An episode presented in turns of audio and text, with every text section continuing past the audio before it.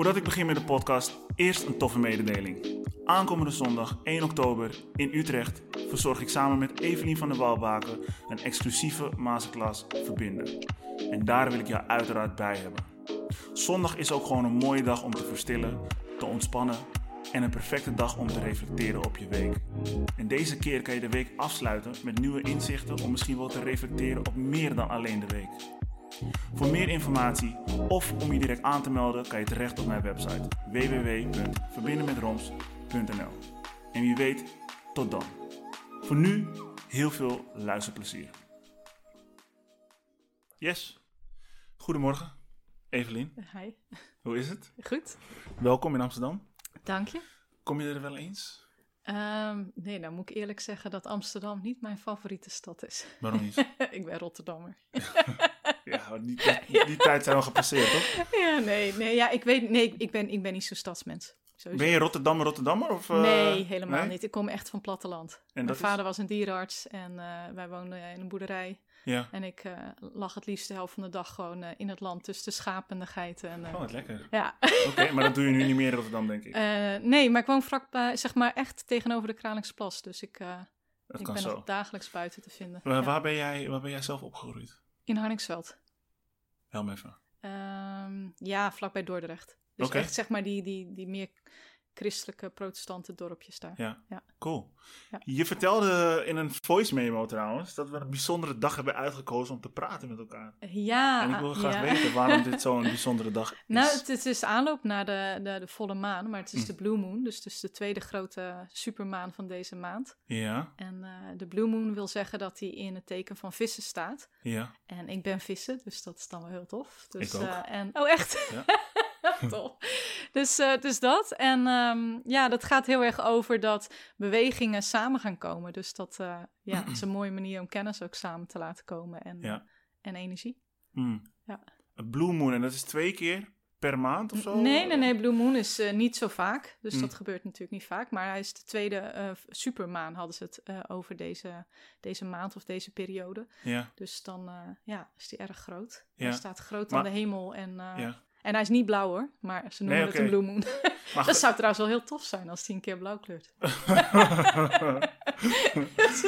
dat, Ja. dat weet ik niet. Misschien zien we het als een blauwe, een blauwe maan. ja, ik ben heel niet. benieuwd nu. Maar eh, geef me iets meer. Is het, is het dan zo dat er op zo'n dag iets bijzonders hoort te gebeuren? Want in deze tijd waar we in het leven gebeuren alleen maar. Alleen maar bijzondere, bijzondere dingen. dingen. Nou ja, wat, waar ik... ehm, ik, ik heb niet, niet zoveel per se met de, met de maan. Soms denk ik, het is gewoon een satelliet die daar een beetje ons voor de gek houdt. Ja. Eh, maar toch hebben we natuurlijk wel gewoon alignment van planeten en van energieën. En ik Ja. geloof dat dit een, eh, een, een energie is die van ons vraagt om gewoon nog meer te kiezen.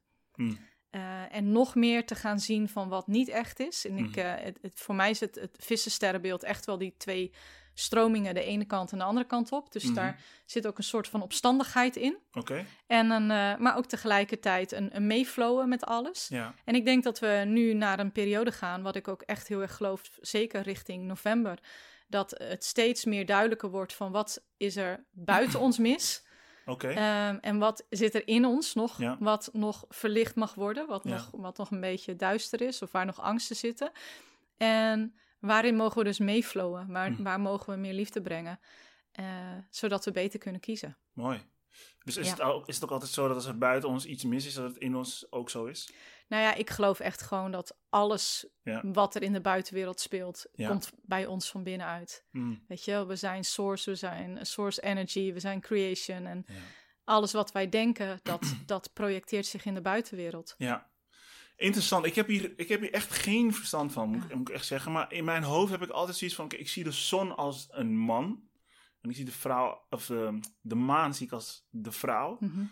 Als ik kijk naar yin-yang bijvoorbeeld, de vrouw staat voor het, voor het, het, het donkere, Ja. het aarde. En de, de man, onderbreek me als ik het fout heb hoor. En de man die staat meer voor het licht. Ja, ik geloof niet zozeer in goed of fout, maar Nee, het is meer wat jij gelooft en Ja. wat doe je ermee, heb ik Ja, altijd het idee. Want ik had laatst, zei ik ook nog tegen iemand van ja, de dingen waar ik in geloof, die maken mij wel altijd tot een beter mens. En Mm, ik hoop dat ik daarmee ook meer liefde verspreid en dat in die end, al zou het niet waar zijn en dan zou ik denken van oeh, ik zat er compleet mis. ja, Weet je, ik heb wel altijd geloofd in de liefde. ja. Mooi. Dus, Dus het, het, Het- hiermee ja. zeg je ook van als je ergens in gelooft, kijk of het, of het voor jouzelf ook wel werkt. ja, of het Ja. Voor, voor je iets toevoegt. Ja. En, eh, en, en dan maakt het niet uit of, of je in een god gelooft of in een bron... of dat je gelooft dat de wereld zo is of zo. Ja. Weet je, het gaat erom van wat brengt het je? Brengt het je dichter bij die liefde? Dichter bij jouw goddelijke kern? Ja, Of haalt het je ervan af? ja, En voeg je iets toe voor in het leven van anderen? ja, precies. Mooie. Ja. Dat is een hele mooie, want ik denk dan ook dat je dan bij jezelf te raden moet gaan van oké, het werkt nu niet meer, voor, niet meer voor mij. Ja. Waarom geloof ik erin dan? Ja, Dus dan kan je eigenlijk die, die oude overtuigingen die je misschien hebt meegekregen van huis uit, kan je even gaan aankijken. En echt checken van oké, dit is waarom het nu niet meer voor mij werkt. Ja, en, en dan nog simpeler, dat je inderdaad op het moment dat je dat realiseert, hè, we zijn ondertussen in een tijd gekomen waarin het helen, het helingsveld, Ja, ehm, heel erg sterk wordt uitvergroot. oké. Eh, in die zin dat we nu ehm, eigenlijk oeverloos aan het helen zijn. Hmm. En als we gaan realiseren wie we zijn, wie we werkelijk zijn, Mhm. dat we de source zijn, dat we zelf onze werkelijkheid creëren Mhm. en dat tijd een illusie is, Mhm.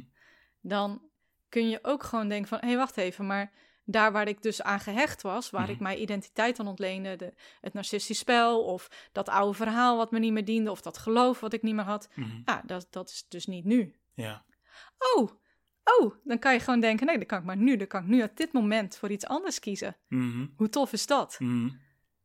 ja maar dat is wel Ja. niet zo makkelijk. En ja, maar het is ook heel makkelijk. Mhm. Want waarom zou je daar nog heel lang aan gaan hechten? En, en, en, en het punt is, op het moment dat je ehm, zegt van... oké, maar ik moet eerst die emoties doorvoelen... Wat misschien ook wel zo is, hè? Je moet het voelen, want je moet voelen waar het vandaan komt. En je emoties zijn je weg naar binnen. Ja, Dus die emoties brengen je naar die ervaring...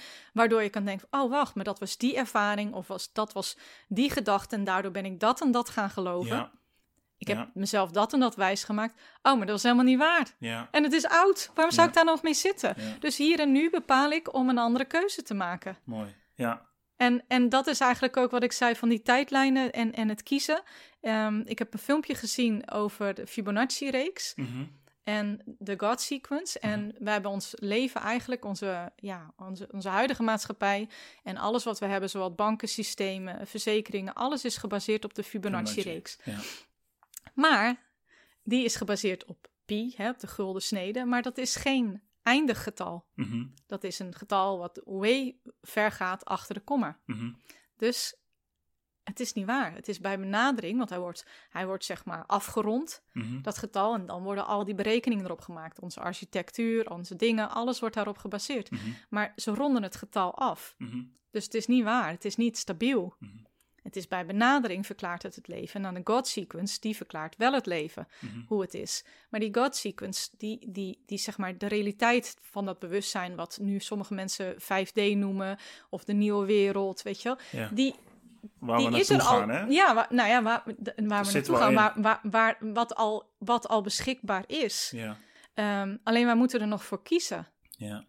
En, en die Fibonacci heeft al die tijd die werkelijkheid een beetje naar de achtergrond gedrukt. Maar er waren zat mensen die al wel daarin leefden en die Mhm. hem al wel zagen. Mhm. En, en wel voelden. En daar heb je soms dat je zegt, oeh, ik zit in een glitch.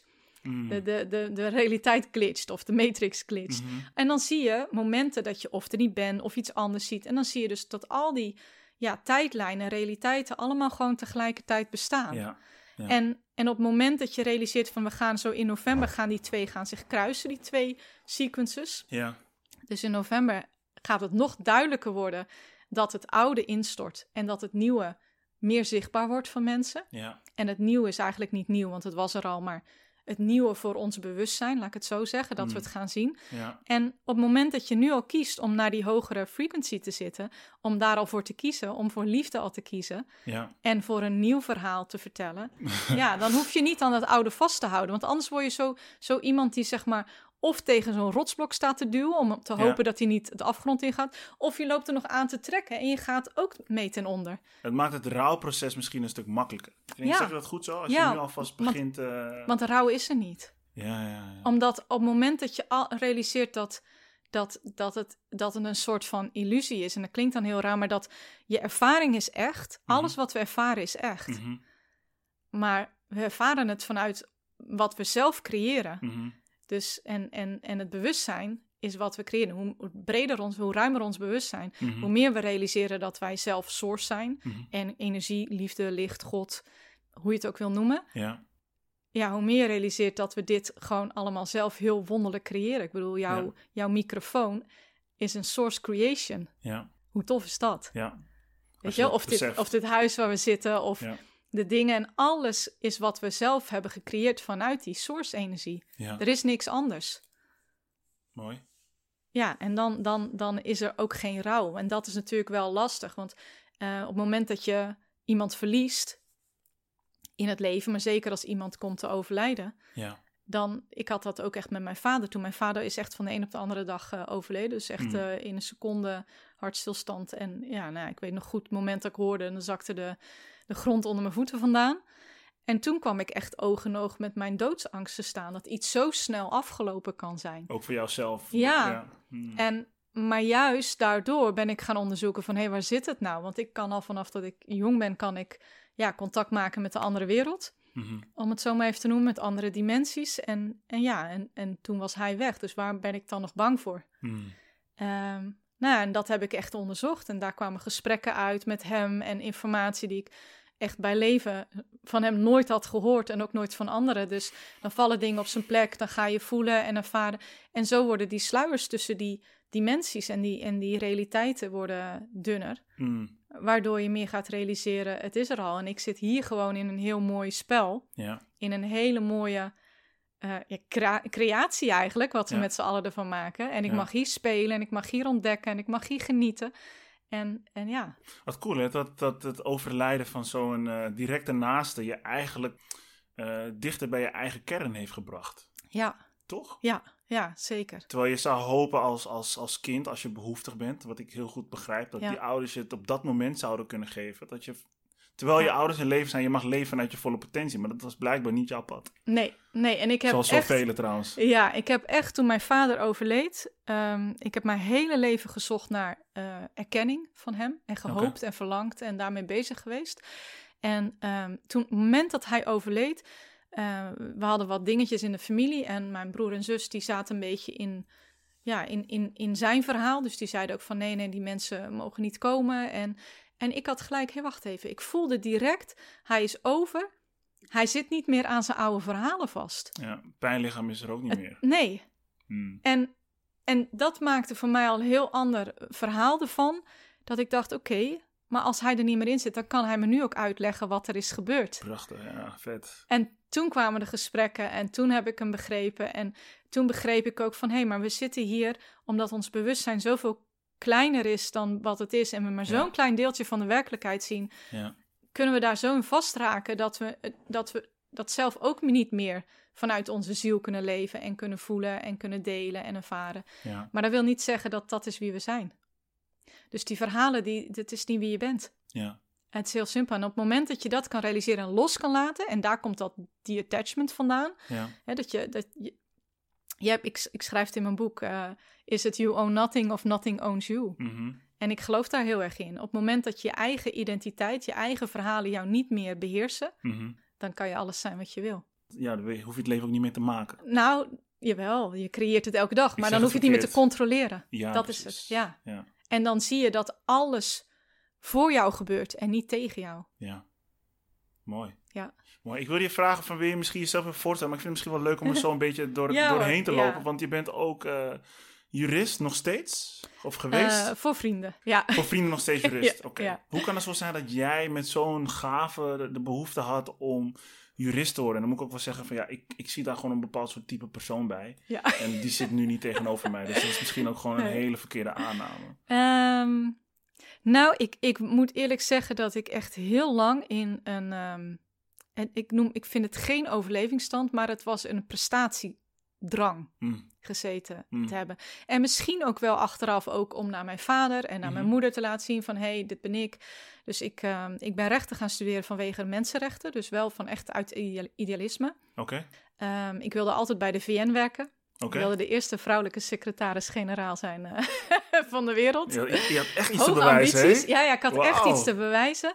En eh, ik, ik heb ook echt in hele eh, bijzondere plekken gezeten. Ik heb bij Future Leader Events geweest. En ik ben in Windsor Castle geweest, bij dat soort geheime genootschappen. Ik, ik heb echt heel veel aparte dingen meegemaakt. Ja, En elke keer voelde ik wel, ik, ik werd er ziek van. ja. En ik heb eh, Lichamelijk. lichamelijk ziek en uitgeput, geestelijk uitgeput. Dus op een gegeven moment ben ik in eh eh, bankwereld terechtgekomen ook nog. Eh, ook weer wat hogere functies. En ja, het, het paste gewoon niet. Daar werd je ook ziek? Ik werd daar ook ziek. Oké.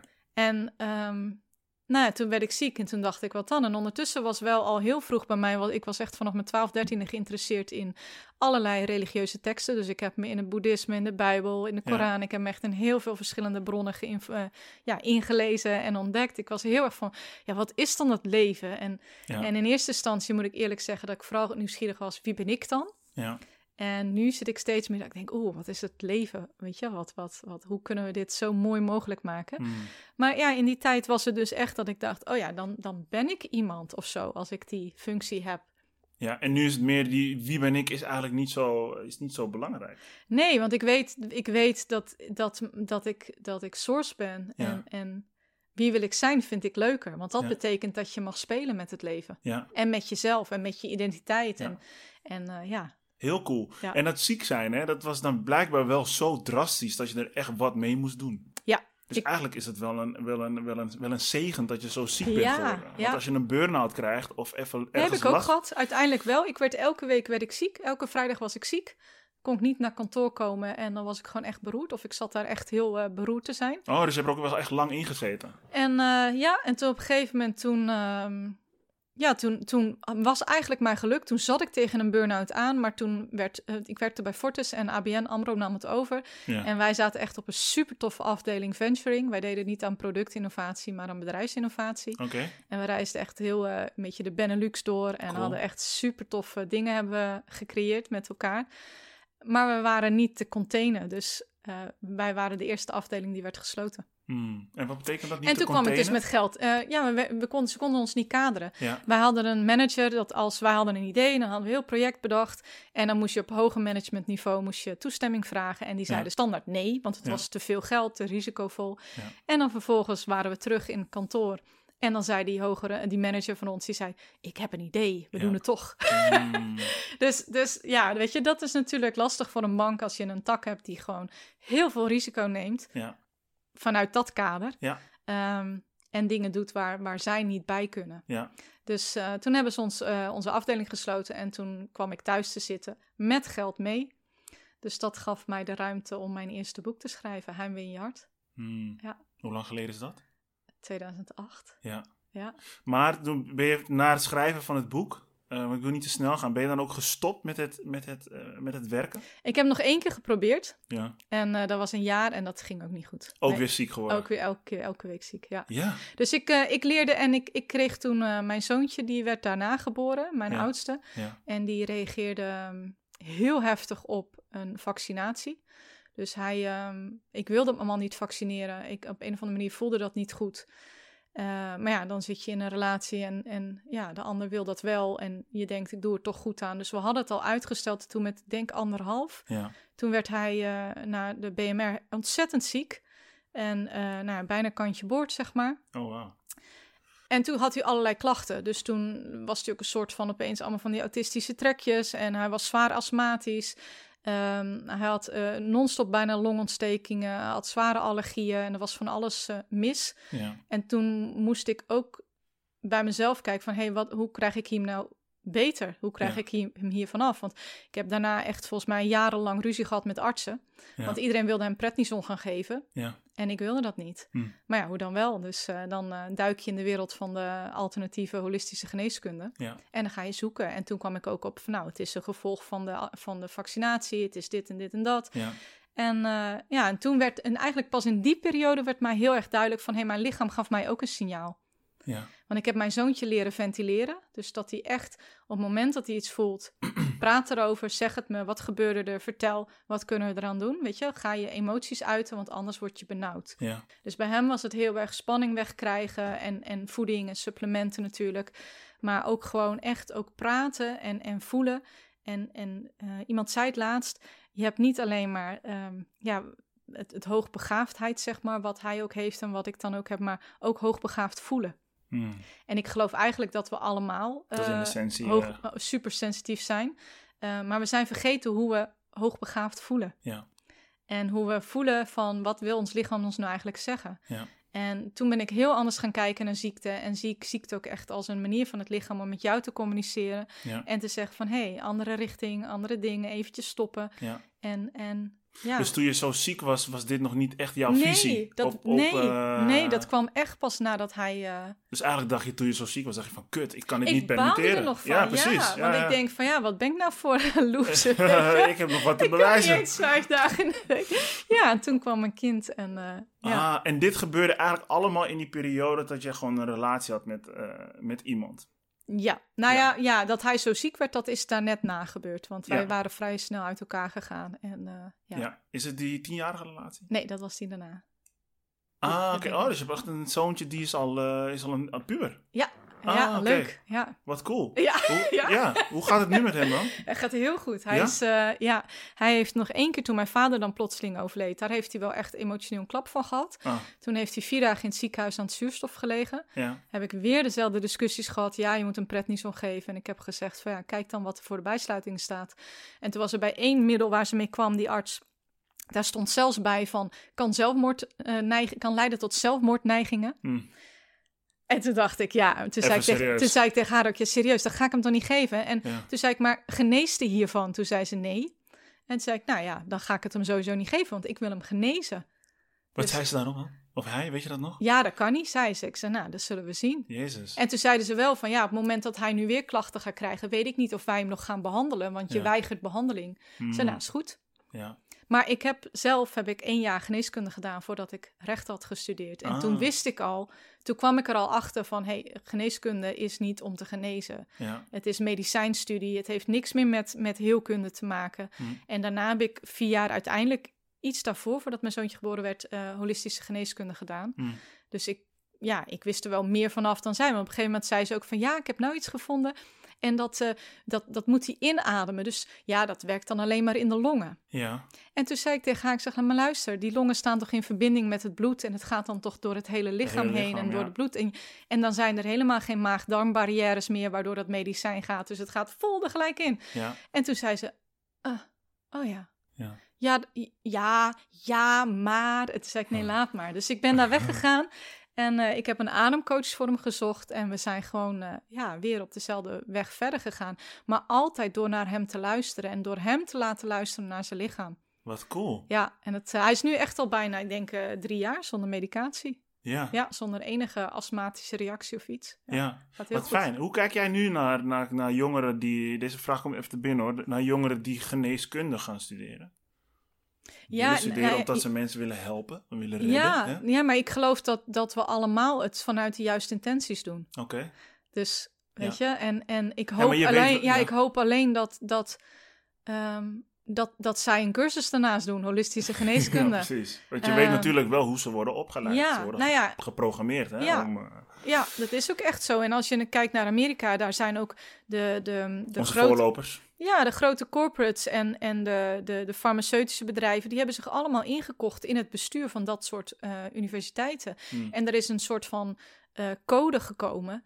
eh, waarbij echt heel duidelijk is dat geneeskunde moet gaan over medicijnen. Artsen moeten leren hoe ze met medicijnen moeten werken. En ik geloof dat geneeskunde, zeg maar de acute zorg, weet je, als je been er half af ligt, Ja. is het perfect dat het er is. Maar, maar de rest zou van mijn part, mogen de twee slangen weer samenkomen in, Ja. In het geheel. Ja. en dan ga ik nog een stukje dieper. Denk je dan ook niet dat het been er alleen maar af ligt vanwege het feit dat je zelf niet meer in lijn staat met de natuur? Zeker, en daar zou je dus ook iemand bij moeten, ja, weet je, ook iets daarna moeten doen. Ja. Dus dan Van waarom is het gebeurd en waarom mij en, en wat zegt het me en wat Ja, kan ik precies. ermee? Ja, Precies, ja, precies. Ja. Ja, maar dat geloof ik met alles. Ja. Dus een geneeskunde hebben we niet nodig. Ja, heelkunde. Ja, Ja, precies. Ja, Uiteindelijk. Dat klinkt wel echt next level hoor. Maar ja, Ja. ik, ik, ik denk altijd als er iets iemand overkomt, dan is het eerste wat ik denk van ja, waarom overkomt het jou? ja. Waarom is het jou zo. overkomen? Ja. Maar ja, in, dan weet je, dan zou je kijken van als we zeggen we hebben geneeskunde nodig, dan ga je naar een perfecte wereld. Ja, daar zijn we nog niet. En, eh, en de vraag is, ben je daar ooit? Want er komen altijd weer nieuwe mensen, nieuwe zielen, nieuwe ervaringen, Ja. nieuwe creaties. En, eh, ja. Ja. Dat weten we niet. Nee. Dat weten we niet. Misschien als je de shift maakt, weet je wel, en, en, Ja. en dat in die, dat stuk daar het heel anders is. Maar ook dat zou een proces zijn van leren en ontwikkelen en vrijbreken in onze mind, dat het anders kan. Ja. Ik geloof namelijk dat je inderdaad helemaal niks nodig hebt, maar ik geloof ook niet dat je dood hoeft te gaan. Hmm, Dus- Dat is, eh, ja, Mooi. ja. Dankjewel. Ehm ik, ik noem dit onderwerp wat wij bespreken, noem ik uit het duisternis. Oké, ja. Dat klinkt wel, eh, klinkt wel goed, toch? Ik noem het zo, maar dat kan zomaar een andere kant op gaan. Ja, als, ja, als, het maar, als het maar vruchtbaar is. Hoe, hoe, hoe, hoe klinkt dat voor jou? Uit het duisternis. En wat, waar moet je aan denken als je dat hoort? Ehm, ja, voor mij is dat echt ehm, uit je eigen beperkende gedachten stappen. Hmm, En uit de angst en uit, uit je.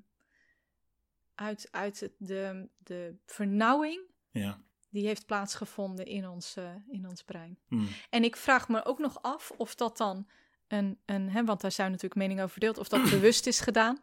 Bewust door? Eh, bewust door weet ik veel wat voor indoctrinatie, eh, elitaire groepen, noem maar op. Of dat het gewoon ons proces is dat we ons voorbij de dualiteit mogen gaan ontdekken. Interesting. Ja, Daar kan ik zelf ook geen antwoord op geven. nee, Weet ik ook niet. nee. En ik, ik neig zelf te geloven dat eh, alles heeft een reden en dat, we, dat het een reis is die onze ziel maakt door op aarde te komen en door die dualiteit juist heen te willen gaan om zichzelf te herinneren. Hmm, En ja, weet je, alleen maar door die dualiteit te ervaren kun je jezelf herinneren, kun je Mhm. keuzes maken. mhm, En anders zou je gewoon gelijk ergens zijn. Ja. En dan heb je die reis niet, die Ja. ontdekkingsreis niet. Dus Ja. ja, Mooi. Plan van God. ja. Zo kan je dat, kan je Ja. dat noemen. Heb jij zelf heel lang in een, in een duisternis gezeten? Ja, maar ik, ik moet wel eerlijk zeggen dat mijn laatste relatie was wel, eh, was wel pittig. Ja? Ja, Kan je Ja. daar, wil je daar wat over vertellen? Eh, ja, ja ook, ook in die zin dat, dat ik ook realiseer dat het mijn eigen proces is geweest. Ja. Dus dat ik, ehm, weet je, ik hou niet van vingerwijzen. En Hm. ik geloof daar ook niet in. Ik denk dat we beide daarin iets te ontdekken hadden Mhm. van onszelf. Ja. En ehm, in eerste instantie dacht ik, we hebben daar echt gigantisch in gefaald. In, de, in het in het ontdekken. ja. In het samen ontdekken, laat ik het zo zeggen. Ja. Eh, maar ook daarin geloof ik niet meer. Eh, want ik denk dat het precies is gegaan zoals het gaat. En ehm, we hebben een reis gemaakt van ehm, echt wel beide in het duister. In, in, in van ja, weet je wel, zo diep ongelukkig zijn en elkaar niet meer kunnen vinden. Niet vergeten dat je toen al een, eh, een zoon had, hè? Die dan drie jaar was ongeveer. Ja. Die, eh Ja. die- En eh, ja, Tienjarige relatie. Ja. ja. en eh, nou ja, we hebben ook een paar jaar nog samen gewoond omdat ik geen huis nog kon vinden. Oké. Dus, eh, Ja. Maar dat, dat we nu zijn we op een punt waarin we eigenlijk heel chill met elkaar omgaan. Oké. Ehm, en ook weer rekening houdend met elkaars stukken, zeg maar. Ja. Dus ik denk dat we er uiteindelijk nu pas in slagen Oké. om, om dat te doen wat we misschien in die relatie hadden moeten doen. Ja. Maar ik heb, eh, ja, ik, eh, ik, ik was echt wel een schim van mezelf Hm. eh, in alles. Hm. En toch. ehm, en toch ook weer niet, want ik heb altijd, en dat is dan wat mij wel eens wordt gezegd, mijn vader die, die voedde ons op en die zei altijd, ja, niemand verstelt een verdongen wat hij moet doen. Hm. Dus je moet altijd je eigen weg volgen. En ehm Niemand vertel, vertelt een Van Dongen. Van Dongen wat Ja. je moet doen. Dat is de achternaam van jou. Ja, dat is mijn Ja. achternaam. En, eh, en dat heeft er altijd wel voor gezorgd dat ook al zeiden mensen iets over mij, ook al hadden ze een oordeel, Ja. eh, intrinsiek deed het wat met me. Ja. En het, het, het, het raakte me. Maar ik heb, ben nooit van mijn pad afgeweken. Hm. Dus ik ben met mijn kinderen blijven doen waarin ik geloofde. Ik, met scholen, met alles. Ik ben in mijn, mijn leven, in mijn ontwikkeling, ben ik mijn pad blijven volgen. Ik ben blijven schrijven. Ik ben me daarin gaan eh, ja, verdiepen, verbeteren. Ik ben in de holistische wereld verder gestapt. Ja. Ik ben blijven creëren, ik ben blijven doen. Alleen, ik deed het vanuit, ja, vanuit een soort diep weten dat dat wel mijn pad was. Ja. Maar ik deed het niet meer met vreugde. Ja. Ja, wel als ik daar even was, maar ik kwam altijd weer terug in een gat. Dus ik was heel erg die, die, die vissen. Het de ene kant heel duister en opstandig en tegendraads en, en zoekende. En de andere lekker aan het flowen, zeg Ja. maar. Ja. Dus ik heb, ik heb lange tijd gevoeld alsof het was dat ik met, ehm, met één been in het nieuwe zat en een andere been been. in het oude. Ja. En niet meer weten wie ik was. Dus voor mij is dat duister ook echt ehm, het tasten in het duister. Hmm. Over wat dan wel. Ja. En, en wie ben ik dan, wie wil ik dan wel zijn? En, en waar en hoe. En, Mooi dat. Het tasten in het duister. Dat Ja. wel een mooie. Want dat is iets dat we dan niet Ja. doen. Wat ervoor zorgt dat we in het duister eh, blijven. Ja. Eigenlijk. ja, En je geeft aan dat je dan... eh, Ging je, de, ging je de, eh, de relatie aan met hem als in... Deze relatie gaan we aan omdat we het een en ander willen ontdekken in onszelf. nee, we waren compleet onbewust. Ah, oké. dus Vandaar dat het ook zo lang heeft plaats kunnen vinden. Ja. Ja. Wauw. Ja. En dat had je al vanaf het begin al meteen door dat het een hele destructieve relatie is. Ehm, ja, dat ging wel worden? vrij snel, ging dat, ging dat mis. Ja. Fysiek ook? Ehm, nee, het was echt vooral eh, ja, geestelijk-emotioneel gebied. Ja. Ja. ja, en ook gewoon in, in eigenlijk in onze eigen wanhoop elkaar niet kunnen vinden. Ja. Van het niet, en ook van het niet elkaar kunnen vinden daarover. Ja. Ehm, ja, weet je, er worden gewoon heel veel oude stukken aangeraakt bij ons. Ja. En bij hem en bij mij. En eh, ja, ik was daar iets meer bereid om die verantwoordelijkheid op te nemen. En dat Ja. heb ik ook gedaan. Dus daarom zeg ik, ik ben me wel blijven ontwikkelen. En ik ben dat. En, eh, maar ja, het heeft heel lang geduurd voordat ik ook zelf durfde te zeggen van nou is het klaar. Terwijl hij het eigenlijk eh, bij wijze van spreken elke week zei van Ja. nou is het klaar, dan ga ik bij je weg. En, Ja. En ik denk later pas dacht ik, oh maar dat is echt een stukje verlatingsangst geweest. Hm. Die nog in mij zat. Hm. eh, waar ik geen eh, afstand van durfde Dat je zo, zo, ja, zo lang Dat je, dat in je die dan maar aan blijft modderen. Ja, omdat je, en dat is denk ik in het duister tasten. Weet je, op het moment dat je, voor mij is dat duister, is, is een plek, eh, ik noem het wel eens de in-between. Mhm. Je zit, je voelt al hè, van binnen, want je weet, ik, ik was ook al andere dingen aan het doen. En ik voelde al van, oké, maar dat zie ik voor me, daar ga ik heen, dat is mijn, weet je, je voelt hem, je voelt hem trekken. Ja. Ehm, maar je zit nog in het oude en, en, en eigenlijk wil je dat ook niet kwijt, want dat is ook een beetje je identiteit. En dat Ja. is ook hoe je het had voorgesteld. Ik heb, ik heb me nooit in mijn leven voorgesteld dat ik twee kinderen zou hebben van twee verschillende vaders. Ja. Nooit, weet je. Dus, dus dat zijn allemaal van die plaatjes in je hoofd, zoals we, hè, we hadden we hadden het eerder iets even samen al over relaties. Mhm. En dat oude plaatje van relaties, waarbij dat beeld, dat brokkelt dan en dat, dat houden ja. en, en, en wil je dat vasthouden of wil ik dat juist niet? Ben ik daar bang voor? Weet je, dit is zo lastig. Ja. Dus voor mij is, is, is het de in-between, is eigenlijk ben ik hem op een gegeven moment ben ik hem gaan zien als een soort ehm, een tussenruimte, een kwantumveld, Mhm. waarin je gewoon zo heerlijk mag flowen, Mhm. ehm, wetende dat het wel goed komt. En ik had een keer iemand uitgelegd met een metafoor dat je, we hebben allemaal onze rugzakjes. En in die rugzak zit ook die parachute.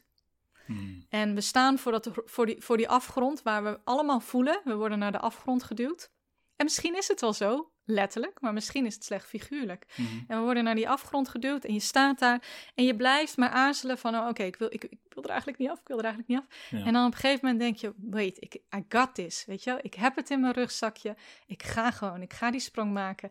En dan spring je zo naar beneden en je springt dat ravijn in en er zitten allemaal wolken onder je, dus je hebt geen flauw idee hoe lang je gaat vallen. Mhm. Of hoe diep het is, of waar je terecht komt. Zijn Ja. het spikes waar je opvalt, weet je? Wat Ja. gaat er gebeuren? Ja. Maar je springt en je, en je weet en je vertrouwt op die innerlijke parachute. En dat is voor mij uiteindelijk die in-between geworden. En op het moment dat ik daar comfortabel in kon worden, Ja. toen, toen ging het open in mijzelf. En daardoor ging ik ook stappen kunnen nemen en kon ik bewegen en kon ik ook uitspreken steeds meer. Ja. Hé, maar dit is het niet en dat is het wel en dit voelt goed. En dat vraagt continu vertrouwen en weer teruggaan naar jezelf. Ja. En ja, ik zeg altijd, the only way in is out. Maar Mm. je moet, out is ook wel een ding, hè? Dus je moet niet alleen naar binnen, maar ook naar buiten. Maar Mm. eh, ja, dat. Mooi. Ja. Blijven oefenen eigenlijk, want het is nog niet zo dat die patronen in één keer eruit zijn. Nou, ik, maar ik denk ook niet dat dat per se Hoeft. hoeft. Mhm. Nee, het is gewoon, het, het is een op- en ontrollende beweging die eigenlijk je hele leven maakt. Het is de dans, Ja. de dans van het leven. Ja. En hoe manoeuvreer jij dan? Want ehm, ik heb ook enigszins het idee dat ik uit die duisternis ben, maar misschien ook niet. Zo voelt het voor mij in ieder geval. Dat ik al eh, best wel veel heb getast in de duisternis. Ik vind het zo fijn om zo te zeggen. Ja, lekker. Maar je, je moet nog steeds door het leven manoeuvreren met mensen die in die duisternis zitten. En waarschijnlijk nu ook best wel nauw, want je hebt een kind met iemand die zijn stukken niet aankijkt. Hoe, hoe, hoe ga je daarmee om? Is het altijd zo dat je dan of op je teentjes loopt, of dat je je op een bepaalde manier moet positioneren om die relatie gezond te houden? Mm, Voel je je verantwoordelijk om die relatie gezond te houden? nee, en, nee, en dat heeft twee redenen. Eén, ik denk niet dat mijn mening of hij wel of niet zijn stukken aanpakt Mhm. waar is. Ja, Want ik weet niet wat hij doet. ja. Dus daarin kan ik dat steeds ruimer zien. Iedereen zijn eigen pad. Oké. En ik geloof ook niet dat iemand verder is dan de ander. En uiteindelijk is tijd een illusie, dus we komen allemaal op hetzelfde eindstation aan. Klopt. Ehm, en, en ik heb wel geleerd om in de loop der tijd te, te, te, te voelen. En vooral nu inderdaad ik een puberzoon heb die echt heel veel dingen gewoon super awkward vindt van zijn moeder opeens. En Ja. ik zit hem gewoon, we, zit, we hebben een hele goede band hoor. Het is echt mijn, eh, mijn zoontje, weet je, nog steeds. Maar ik merk wel van, je hebt bepaalde rollen toch in je leven waar je niet onderuit komt. Dat Ja. is gewoon een rol. Ik ben zijn moeder, maar Ja. ik ben niet zijn vader. Ja. En ehm, het realiseren dat ik dat niet ben en dat ik dus ook dat niet aan hem kan geven, Ja. dat zorgt er wel voor dat ik ook kan zeggen, ook tegen hem van, hey, weet je, ik ben je vader niet. Ik snap dat dat lastig is, dat dat in jouw leven anders loopt. Ja. Maar ik kan daar ook de last niet van dragen. Ik ben daar niet verantwoordelijk voor. Dus ik wil ook gewoon alleen maar mijn eigen stuk pakken. Ja. En dat geldt dan ook naar zijn vader. Van nou ja, weet je, en, en naar anderen om me heen. Ik, kan daar niet, ik kan daar geen verantwoordelijkheid voor nemen. En ik weet niet wat zij doen. En ik weet niet hoe zij erin staan. Zij delen hun diepste gedachten niet met mij. Hun Nee. zielen roeselen niet. Hoeft ook niet. Weet je, dan was die relatie ook wel anders gelopen. Ja. En, ehm, en dat maakt dat ik gewoon elke keer kan voelen, ja, waar wel en waar niet. Waar ligt Ja. mijn grens? Ja. En, en wat vind ik fijn en wat niet. En ook gewoon kan blijven zien dat alles source is. Dat alles een, ja, dat, dat iedereen die divinity heeft, zeg Ja, maar. En, eh, en zijn eigen weg en zijn eigen dingen. Ja, mooi. En ik ben wel heel, heel erg van, als je wil, dan, dan help ik je met alles. En dat doe ik met al mijn vrienden. Ik ben er altijd voor iedereen. En als je dat niet wil, dan niet. Ja. Ja, Ja. Je kan inzichten bieden, maar ze moeten het wel willen, willen Ja, en- aanreiken. Ja, en het zijn niet eens inzichten, maar gewoon, ja. dat- weet je, afstemmen, voelen, invoelen en, en, en spiegelen met elkaar of gewoon brainstormen of, of wel, hoe je het ook wil noemen. Hm. En ik ben daar en ik wil mensen helpen. Ja. En eh, ja, Ja, en je zei, je zei aan het begin, voordat wij eh, waren begonnen, zei je ook al van, ja, jij, jij gelooft ook, net als ik, dat kinderen hun ouders Ja. uitkiezen. Dat maakt het natuurlijk ook wel een stuk makkelijker om te accepteren dat hij nou eenmaal zo'n vader heeft die Ja. niet die spiegel durft voor te houden. Ja. Daar heeft hij nou, voor en- gekozen. Ja en eh, ja, in dit geval, um, hij, hij heeft een andere biologische vader. Oké, Dus, en die is ook niet in zijn leven. oké. Ehm, Wacht even, eh voordat we dus snel gaan. mijn Dus is- oudste heeft een andere vader Ja. dan de vader die hem heeft opgegroeid. Ja. Ja, Ja. ja, Dus de vader die me heeft opgevoed is zijn papa, zeg ja, maar. ja, ja. En, eh, maar naar hem en, naar, en, en mijn jongste ook zeg ik ook altijd van... hé hey, jongens, en dan maak ik ook wel eens een grapje van... jullie hebben mij uitgekozen, want dan... Ja, Weet je, ik heb laatst ging ik vuur spuwen en, op- en, en dan laat ik het zien en zeggen ze, oh jij ook altijd, weet je, en dan moet ze ook wel lachen. En ja, mijn jongste vindt nog alles leuk en mijn oudste zegt, oh mama, doe eens normaal, ja. weet je. En dan zeg ik altijd, ja, jij hebt me uitgekozen. En dan, dan lachen we er ook op. En ik denk dat het goed voor hun is om te weten dat, het ook, dat je er ook om mag lachen. En dat het ook gewoon een keuze is geweest. En we moeten het hier gewoon mee doen. ja, En, en that's it. ja. En daar kunnen we heel ingewikkeld over doen. En daar kan ik me schuldig over voelen. Maar ik geloof ook niet in traumavrij opvoeden. Je Weet gelooft je- niet in traumavrij, Traumavrij opvoeden. opvoeden. Ik, ik heb lange tijd mijn best gedaan dat ik dacht... oh ja, ik wil het ze helemaal vrij en zonder trauma op. Eh, het is niet onmogelijk. Maar ik geloof ook Ja? niet dat dat de bedoeling is. Oh, Waarom zou je dat willen? Het is hun eigen weg. Dan ga je proberen weer iets maakbaar te maken, iets te controleren. Het enige wat, wat ik geloof dat je kinderen kan leren is... Ik kan niet voorkomen dat ze pijn hebben of dat ze verdriet hebben... of dat ze gebeurtenissen hebben die ze niet begrijpen en verkeerd inkleuren. En weet je, dat dat later nog op hun pad terug gaat komen. Het enige wat ik kan leren is, hoe ga je ermee om? ja, En hoe kies je altijd weer voor liefde? ja, En dat is het enige wat ik ze leer. Hoe kies ik altijd weer voor liefde? Hoe kies ik altijd voor de, de positieve kant van een gebeurtenis? Hoe kan ik het omdraaien? Hoe kan je omdenken? Hoe kan je het, eh, de gevoelens die je hebt gebruiken om weer, ja, weet je, om meer liefde te ervaren in je leven? ja.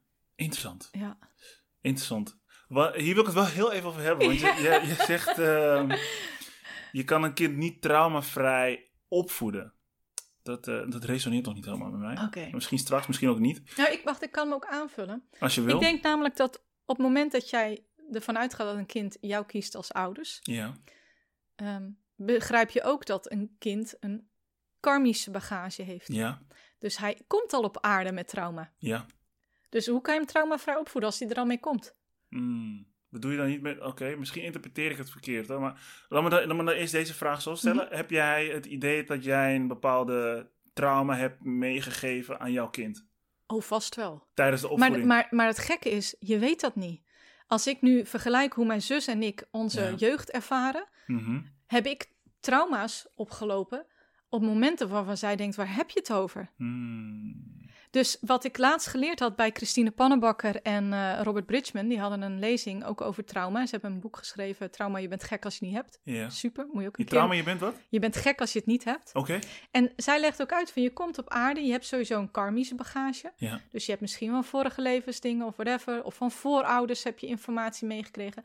Maar die informatie, die bepaalt waardoor jij geraakt wordt in jouw eerste jonge jaren. Mhm. En jouw bagage is anders dan die van je zus of je broertje. Ja. Dus jij wordt op een ander stuk geraakt. Dan En, en zo kan het dat het ene kind denkt van... Oh, ja. ladilladila, ik heb helemaal geen trauma. Helemaal super lekker. Ja. Is het trouwens niet zo, maar dat, weet je, in ons geval. Maar, Ja. maar, maar dat ik denk van, hé, hey, maar ik ben daar heel door geraakt. Ja. Weet je het ene kind dat een broertje krijgt, die is helemaal gelukkig. En de ander voelt een oud traumastuk van, karmisch stuk van ehm, niet genoeg zijn. Of Ja. eh, een buitenbeentje of Ja. whatever. Ja. Dus je kan daar niks aan doen. Ieder krijgt zijn eigen bagage mee om later in het leven Uit te werken. uit te werken. Of in ieder geval te herkennen en te denken, oh ja. En dat is dan, hoe, hoe meer je dat kan doen, hoe meer je in die verlichting komt. En in dat eeuwige leven, die, die, hè, dat Christusbewustzijn waar we het eh, toevallig net over hadden. Ja. En eh, ja, maar dat zijn dan nog trauma's die ze hebben meegenomen. Wat heeft trauma's die je hebt meegenomen te maken met opvoeding?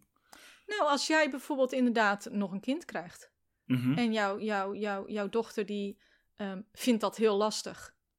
Nou, dan Mhm. kan je daar heel normaal over doen. Maar zij heeft al iets in haar, is al getriggerd. Ja. Dus bij haar is al een kindstuk weer daarnaast komen te staan. Een stukje van, oh ja, dus een, dus een traumastukje van, Ja. oh ja, ik ben niet goed genoeg. Hij, hij wilde nog een dochter. of Ja. ja, precies. Dus je kan er niks aan doen. Nee, dat, dat, dat begrijp En ik. ik zeg dat niet grote trauma's, weet je wel, van... van kan voor alles zijn. dat kan van alles zijn. En dat weet je niet, omdat jouw blueprint meegeeft wat dat met jou doet. Ja, ik, ik denk dan, want ik, ik, ik vind het een mooi voorbeeld wat je aangeeft. In, in ons geval, nu ehm, vind me, krijg ik de indruk, laat me het zo zeggen, dat mijn dochter het helemaal geweldig vindt. Ja, Ik heb al voordat zij, voordat eh, Amber zwanger was, Ja. voelde ik altijd mijn dochter een grote zus Ja. is. Ja. Dat voelde ik op een of andere manier. Dus zij, in de Haagbaf is het helemaal geweldig. Maar laat zeggen, het is niet zo. Ze vindt het helemaal niet geweldig. Mijn reactie daarop bepaalt toch of zij Kan. die trauma kan verwerken of niet. Kan. Dus als ik bijvoorbeeld zeg, ik vind dat je je aanstelt, je krijgt genoeg aandacht van mij, dan kies ik ervoor om de emotie er niet te laten zijn. Dus dat, dan is het, op dat moment zorg ik ervoor dat die trauma blijft bestaan. Nee, maar jij probeert om haar, haar emotie, om haar te zien en te ja, horen. Ja. Eh, maar zij is degene die dat al of niet kan ontvangen. Die bepaalt of ze het kan ontvangen. In, in mijn geval, we hadden het over zingen, dat ik sinds kort eh, bezig ben met, eh, Ja, ja. met zingen. Mhm. En eh, mijn broer en mijn zus, die waren echt daar ja, behoorlijk fel in. Ik kon niet zingen, ik had een lelijke stem en ik mocht nooit meedoen met liedjes niet, in de auto niet. Ja. En ook al zei mijn moeder wel van, hé, hey, dat is niet waar, of trek het je niet aan. Het Het had geen zin. In mijn, in mijn stuk had het te maken dat ik niet kon zingen, dat ik mijn stem niet mocht horen. ja. En ja, heel lang heb ik dat ook dus echt gedacht. En totdat Ja. het weer terugkomt op je pad. Ja. En iemand dan ook weer zegt, ja, jouw stem is echt heel lelijk. Of en dan een ander zegt van, hé, maar je hebt een mooie stem. Je moet eens gaan zingen. En dat Ja. je dan op een gegeven moment liedjes aan het schrijven bent... die niemand wil zingen, omdat iedereen zijn eigen liedjes wil zingen. En dat je denkt, oh, ja, misschien eh, duwt het mijn leven met die kant op. En ga ik zelf zingen. Maar, maar je kan het proberen. Nee, maar dat bedoel ik Ja. niet, hè. Ik wil het ook niet proberen. Het is ook niet aan Nee, mij. je kan Ik- proberen om, om niet een trauma mee te geven of ja, het te dat, versterken, dat weet je wel, wel. sorry. Ja. Maar, maar ik geloof niet dat, je, dat, dat het aan jou is Om die trauma... om, om het, om het en, en ik denk pas later kan een kind daar terug op grijpen. Van, oh ja, weet je, papa zei dit of dat. En, en het misschien integreren. Ja, Maar dat wil niet zeggen dat een kind van drie of vier of zes of zeven dat al kan. ja, ja, eens. Ik, ik denk dat, we, ik, denk dat ik je... Ik begrijp je volledig. Mhm. Wil ik er nog wel bij zeggen, kijk, als het, om het, om een, om, om het, om een voorbeeld erbij te pakken. Mocht het zo gebeuren dat mijn dochter naar me toe komt van... Hé hey papa, ik, ik vind het niet chill. Ik merk dat ik minder aandacht krijg. En ik voel me, ik voel me er Mhm. whatever bij. Ik weet dat het niet mijn verantwoordelijkheid is om dat gevoel bij haar weg te nemen. Dus Nee. ik ga dat ook niet proberen. Op het moment dat ik het ga proberen, dan is het weer vanuit mijn eigen Ja. behoeften. Ja.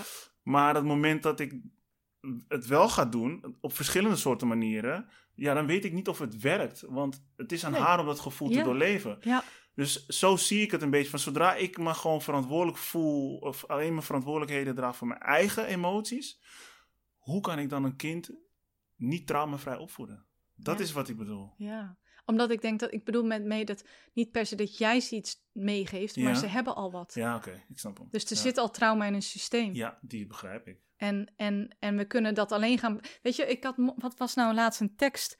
Er was een tekst van een liedje. ehm, With You van Matt Simons, volgens mij. Oké, En daar het is echt een hele mooie tekst. En dan geeft eigenlijk, zingt een vader over van dat hij van alles op het kind had geprojecteerd. ja. zonder dat hij haar kende. Mm, En ik vind als we naar onze kinderen kijken van, ja, weet je, het is aan ons om ze te leren kennen, om te kijken van, en inderdaad dan, en dan kunnen we kijken welke, welke gevoeligheden heeft dit kind. ja, Want niet ieder kind heeft dezelfde. En dat zijn die karmische gevoeligheden. ja, Of dat trauma wat erin zit, wat, wat, wat aangeraakt mag. En daarin kan je natuurlijk wel ondersteunen. Ja. Dat kan je gaan benoemen. Dat kan je, dat, kan gaan leren hoe ga je ermee om. Wanneer wordt het aangeraakt? En, en dat soort dingen. Dus het is wel zeker dat je een, een verantwoordelijkheid daar hebt als ouder. Want je bent ook de ouder. Ik hoor ook wel eens mensen zeggen... Ja, ja, ik... eh, ik wil geen eh, vader voor het kind zijn. Want eh, ja, ik eh, wil rollenvrij hem laten opgroeien. Dan denk ik, Ja. ja, maar je bent een vader ook niet voor niks. ja, Je, hebt ook, je bent daar ook om een bepaalde kennis, informatie mee te geven of kaders te stellen. Of in ieder geval een, een, een safety field te Ja. creëren, weet je wel, een bedding. En misschien heeft zo iemand juist een verkeerde associatie met een vader. Ja, Misschien heeft hij zelf een. eh, ja, nou ja, dus dat is interessant. Of dat je, dat je kinderen niet meer een, een leerkracht wil zijn voor kinderen. Maar ja, dan, dan ga je ook wel, wel heel ver in het Ja, de-attachment verhaal, zeg maar. ja, mooi. Ehm, en ik denk dat, ehm, ja, dat je zo kinderen kan helpen, maar door ze eerst gewoon maar eens te leren kennen. Mm, Wie zijn jullie voordat, voordat ik met mijn informatie kom? ja, En met mij hoe ik denk dat het moet zijn. Ja. wie ben jij? ja, En we kennen ook onze kinderen eigenlijk, eh, we denken te kennen, maar we gaan al vanaf dag één beginnen met van alles. ja, Hetzelfde als dat een, een, een arts een, een vaccinatie zet ehm, met een waslijst aan bijwerkingen, maar niet van tevoren kijkt, is het kind daar gevoelig voor? Want ze Ja. gaan er maar vanuit dat het, het gros modo hetzelfde is, of dat een, een kind op dezelfde wijze ontwikkelt en dezelfde behoefte heeft. ja, Nou, weet Ja. niet. Nee. Interessant. Ja. Eh, bedankt eh, voor deze uitleg. Ehm, ik weet nou niet of dit uit, jou, uit jouw boek komt, volgens mij wel. Even kijken. De gruwelijkste truc die de duivel ooit heeft uitgehaald, is ons doen denken dat hij niet bestaat. Kom je hieruit? Ja. Ik vond het een hele goede lijn. ja. Wat is de duivel? Ja. Voor, voor mij is het nog steeds, is de duivel ook liefde. Mhm. Ehm, en is het, is het ehm, de gevallen kant van onszelf. Mm, Eh, waarbij we de gevallen kant die vergeten is wie we zijn. ja. Dus de duivel is nog steeds liefde, maar hij is het vergeten. Mm, En eh, dat spiegelt hij in ons. Welk stukje zijn we vergeten dat we liefde zijn? mooi. Ja. Ik vind het een hele mooie, mooie uitleg. Misschien moeten we het toch nog even erover hebben. Want Ja. het woord liefde heeft... Iedereen heeft een andere associatie met liefde. Sommigen denken dat liefde een, een gevoel is. Ja. Eh, voor mij is liefde een staat van zijn. Ja. Ik weet niet hoe jij dat... ja, eh, heb ik ook. Ja, source, eh, licht. En Ja, ja, ik had toevallig wel... Weet je, liefde is natuurlijk al heel snel schieten mensen in een gevoel. ja, En licht kan je niet voelen, dus licht kun je alleen maar zijn. ja, En het is voor mij een, een bewustzijnstatus, een ja, energiefrequentie eigenlijk. Ja. ja. Ja, en ik hoor je, met, je zei meteen van voor mij is de duivel ook liefde. En dan denk ik dat mensen zoiets kunnen hebben, hoe dan? Ja, Mijn ex heeft dit met, me gedaan, hij heeft me dat gedaan. Nou ja, jij hebt Ja. het ook meegemaakt natuurlijk. Iedereen heeft wel zoiets meegemaakt. ja, Dat, ja, dat iemand die bezeten is, zeg maar, eh, hele kwaadaardige dingen heeft gedaan. ja. ja, jij noemt dan het woord bezeten en, ik, en Ja? dat snap ik. Maar het is eigenlijk, iemand is gewoon vergeten wie die is. Wie die is, oké. Ja. Ja. dat is misschien beter, beter gezegd. Eh, maar kan je daar wat meer over uitleggen hoe dat, dan ook, hoe dat dan ook liefde kan zijn? Dat mensen ook begrijpen dat als zij iemand in hun leven hebben die vergeten zijn wie ze, Mhm. wie ze daadwerkelijk zijn, Ja. hoe, dat, hoe dat liefde is. Nou ja, het laat jou in ieder geval een andere kant op bewegen. Hmm. Als het goed is. Naar liefde. Dus het, het raakt als iemand, hey, ik heb dat ook meegemaakt, iemand die uh, fysiek was met mij. Ja. Um, en, en natuurlijk, op dat moment voel je dat niet. Ik voelde alleen maar dit nooit meer. Ja. Na, na een aantal keer, maar dan voel je van dit nooit meer. Mm En um, dan laat het je aan de andere kant. Dan, dan komt er een kracht in je vrij die voor jou zelfbehoud gaat staan. -hmm. Dus dat is liefde. Mm. Die tegenkracht. Ja. Want blijkbaar had je geen grenzen meer. Ja, geen, ja precies. Geen ja. zelfbehoud, geen zelfwaarde, geen eigenwaarde. Ja. Dus, dus die, dat conflict, dat laat jou zien... hé, hey, waar sta je nu eigenlijk? Mm. Waarom overkomt jou dit? Mm. En tuurlijk, dan kun je zeggen... ja, het is gewoon een, uh, een asshole, weet je Of wat Ja. dan ook. En je kan de vinger wijzen. En, uh, maar daarmee haal, heel je jouw karmisch stuk niet. Ja.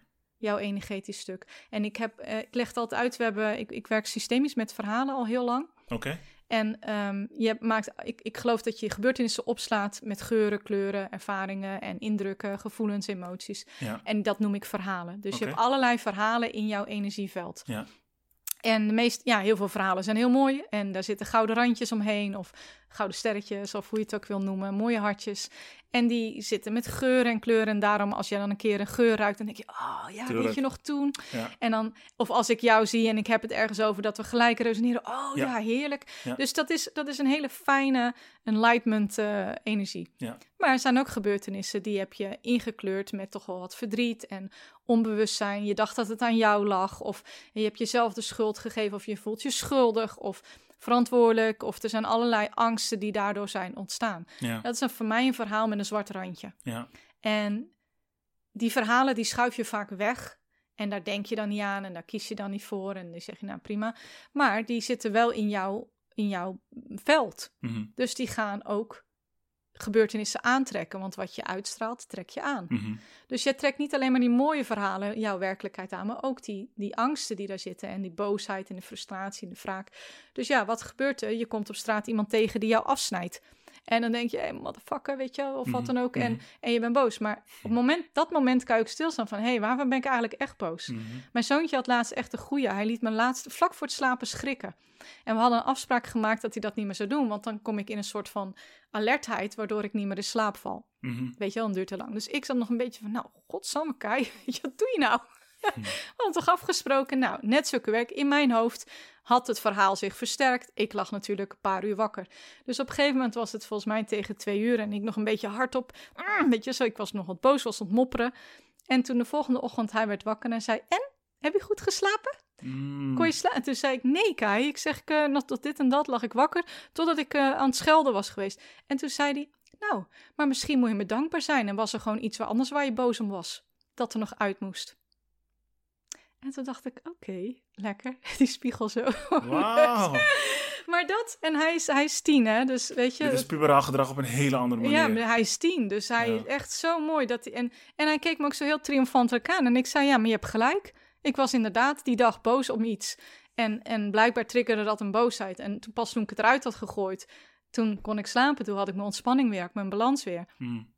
En dat is het denk ik dus ook met die situaties. Je trekt situaties aan waarbij je dan ja, geraakt wordt in dat wat al in jou zit. Hmm. Uh, oude emoties, opgebouwde dingen. En ja, daarop ga je ageren. En de vraag is, ga je dan ageren en ga je die schuld weer bij die ander leggen en je eigen verhaal versterken? Hmm. Of ga je het verwerken? Ga je het gewoon voelen? Van, oh shit, dat zat daar. En kies je dan voor iets anders. Ja, mooi. En, en in die verhalen, op het moment dat je voor iets anders kiest, worden die verhalen met zo'n zwart randje, die worden dan ook goud. Omdat je dan je krachten van hebt gemaakt. En als je dan naar buiten reageert met liefde of vanuit bewustzijn, laten we het dan maar even bewustzijn noemen. Als je dan naar buiten reageert met bewustzijn, wil niet zeggen dat diegene dan leuker tegen jou gaat doen. Mm -hmm. Weet je, want die, de reactie van de ander kan je niet controleren, alleen maar hoe jij zelf ergens Ja. mee omgaat. Mm. Maar je kan wel vanuit die energie weer andere mensen aan gaan trekken Ja. die wel daarmee resoneren. Ja, En hoe meer je dus die. Ik, ik, ik- het is ja niet eens die verhalen, maar die angsten en die, die, die duisternis, die negatieve emoties die daaronder zitten. Hoe meer je die naar het licht kan brengen. Van hé, hey, waar komen ze vandaan? En ik geef ze al mijn liefde. En het spijt me, vergeef me. Hè? Hono- ho- Ho'oponopono, zoiets, dat soort Mhm. dingetje. Mhm. En, en ik dank je en ik hou van je.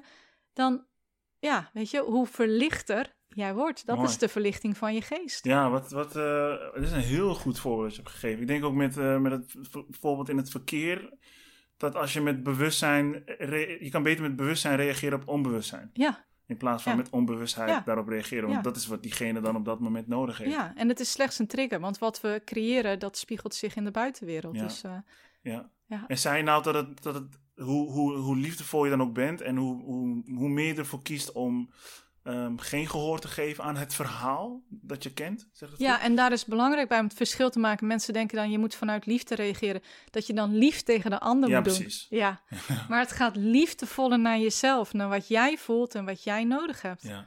Dus Ja. het gaat, weet je, het, het begint namelijk als kind vaak.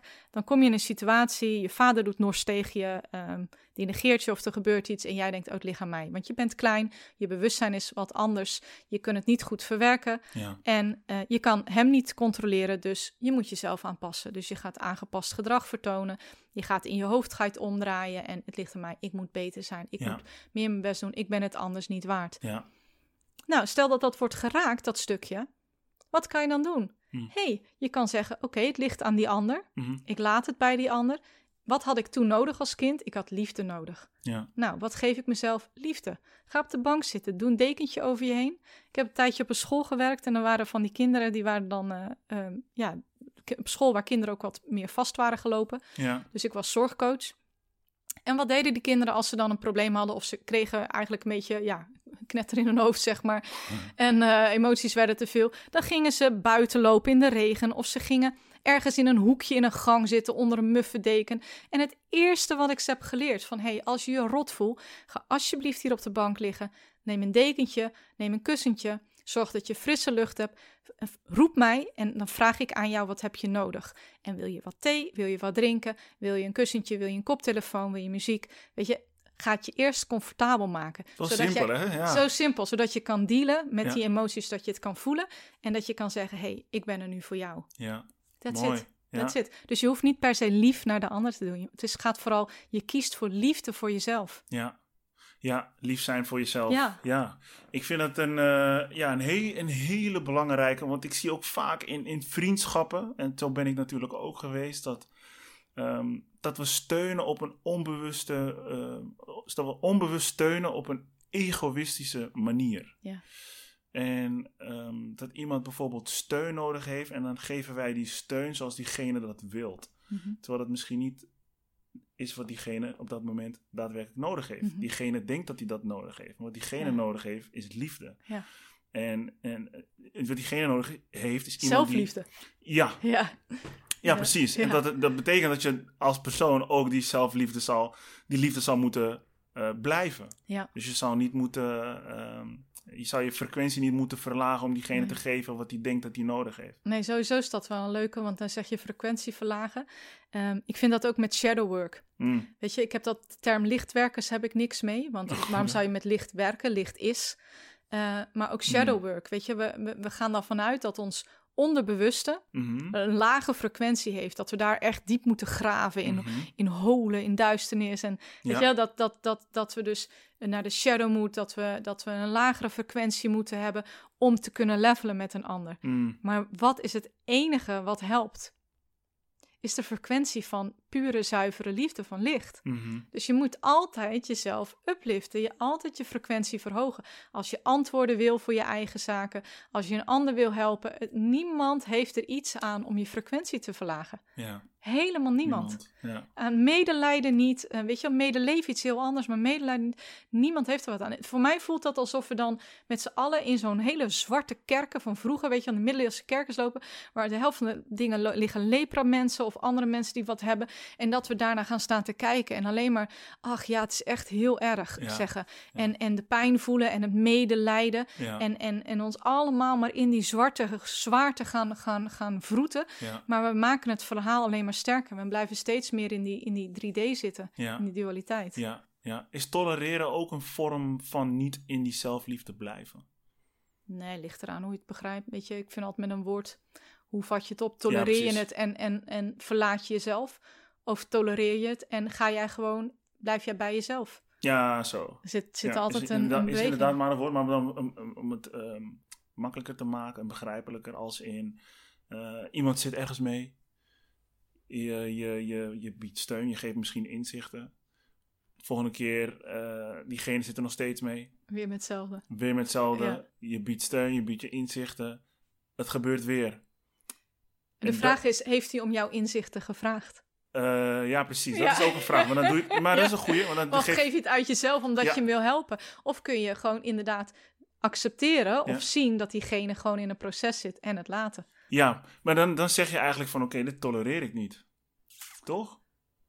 Dus iemand kan, je hebt, je hebt vaak genoeg dat mensen om advies vragen, maar dan Er ze mee niet, doen. Ja. ja, er niets mee doen. Ik ben er ook één van geweest, iedereen denk ik wel.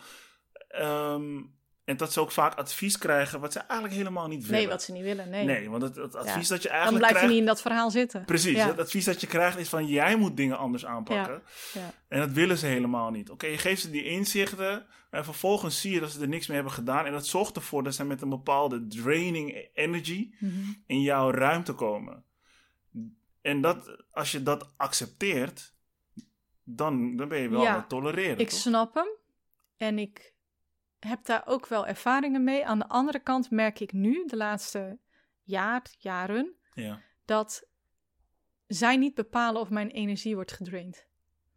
Als ze in jouw omgeving zijn. Als ze in mijn omgeving zijn. Hoe dus doe je ik, dat? Ik, ja, nou, dat laat je toe. Dus dan zit er iets in mij wat dat nog, wat, wat mijn frequentie, wat mee kan viben in hun frequentie. Oh ja? Ja. Interessant. Dus ik geloof dat het nog een stap verder is. Je kan, het, het, het kan niet zo zijn dat een ander jou leeg laat lopen of eh, draineert of weet je. En ik snap dat vanuit het, het, vanuit het dualiteitsdenken kan dat. Ja, Ehm, maar hoe, hoe zuiverder jij van binnen bent, hoe minder angst, hoe meer jij vergeven hebt, hoe meer verlicht jij je geest hebt, ja, eh, hoe minder dat effect op jou heeft. ja. Ja. Maar als je, als je dan samen woont... Ik, ook voor, ik- voor mezelf, maar ook voor de luisteraar vind ik het fijn om het wat begrijpelijker te Ja. maken. Want ik kan me ook voorstellen dat veel mensen denken van... Ja, maar wat, hoe dan? Ik woon samen met iemand die komt, die komt fucking zagrijnig thuis. Die wil altijd dat er een biertje voor hem klaar staat. En dat Ja, dan kun je toch vragen van, is het van mij? Nee, het is niet van mij. Wat kun je vragen, sorry? Nee, aan jezelf vragen, is dit van mij, dit gevoel? Want hè, we zijn allemaal hoogsensitief, dus we voelen allemaal ook heel in dat Ah, veld. ja, je kan voelen heel simpel, is het van mij? Nee, het is niet van mij. Waarom zou ik daar dan op meegaan? Mm, Dus het is ook weer een keuze. mm. En Ja. ga, ga ik mee in die vibe? Ga ik daardoor inderdaad mee naar beneden? Of ga ik gewoon het laten? Heel vet, ja. Ja, Ja, goede, goede uitleg dit. Ja, dit klinkt heel, eh, ja. Heel logisch. Ik hoop dat het Dus ik, ik kijk, ik geloof in dat. We hadden het begin over dat je zei van, oh ja, dat moet je vertellen. En dat ging over eh, het channelen. Dat ik, dat Ja. ik altijd mijn, ja, ik schrijf mijn boeken echt vanuit een staat dat ik denk, ja, ik heb het niet geschreven. Ik mocht het schrijven, ik mocht de woorden op papier zetten. Ja. That's it. Ik mocht verhalen doorgeven Wil ik je zo vragen, want ik heb het Ja. boek in mijn hand. Maar Ja. vertel maar... die in het eh, veld zitten. Ja, En, ehm, en zo had ik laatst, had ik, eh, zeker rond zo volle maan ga ik altijd, geloof ik altijd dat die sluiers ook dunner zijn. En sowieso zijn momenteel de sluiers heel erg eh, dun tussen deze alle realiteiten, zeg maar. ja. En dan praat ik ook makkelijker met eh, de andere wereld, wat ik al eh, van jongs af aan kan. In deze tijd. Voor jou praat jij makkelijker met... ja, het gaat ja, het gaat met vlagen, maar het gaat momenteel heel makkelijk. Maar ik geloof ook omdat die, die, shift, die shift eraan komt, zeg Ja. maar. Ehm, en toen had ik op een gegeven moment... ehm, ja, toen had ik contact met een, met een vorm die, die ik prettig vind, waarmee ik contact heb. Mhm. Ehm, en waar ik me fijn bij voel. Dus ik, ik, ik had op een gegeven, en op een gegeven moment dacht ik van... hé, hey, maar wat als dit nep is, als ik dit me inbeeld? mhm. En los van het feit dat ik geloof dat, wat ik ook geloof, dat het me een beter mens maakt, was ik wel benieuwd van wat als het, als het niet waar is. Als ik hier nou met iets zit te praten wat gewoon, wat ik, wat ik mezelf inbeeld, wat Mhm. gewoon niet klopt. Mhm. En, ehm, dus ik, ik, en ik kreeg eigenlijk gelijk het antwoord van, maakt dat wat uit? Voor jou is deze vorm de vorm waarmee jij contact kan maken met een, met een andere dimensie, met een hoger bewustzijn, met een hogere intelligentie. En zet daar maar iets anders tussen. Dus zet daar maar geld neer. Kun je via geld contact maken met die hogere. Kun je dan hetzelfde voelen? Mhm. En zo niet, wat zit er dan nog tussen? Mhm. Dus op het moment dat je iemand daar neerzet, of een, een, een hogere opgestegen meester, of een, een boeddha, of wie je dan ook wil hebben, of God. Weet je, wat zit er tussen waardoor je niet direct met de bron contact kan hebben? Mhm. En wat is jouw voorkeur? Dus voor mij was mijn voorkeur gewoon om met die vorm, omdat ik met die creatie voel ik me prettig. Ja. Maar dat kon ook een andere creatie zijn. Dus daarom is het. Maar eigenlijk zei ze van: als ik wegval, kan je direct met de bron contact maken. En dat kan iedereen. Ja.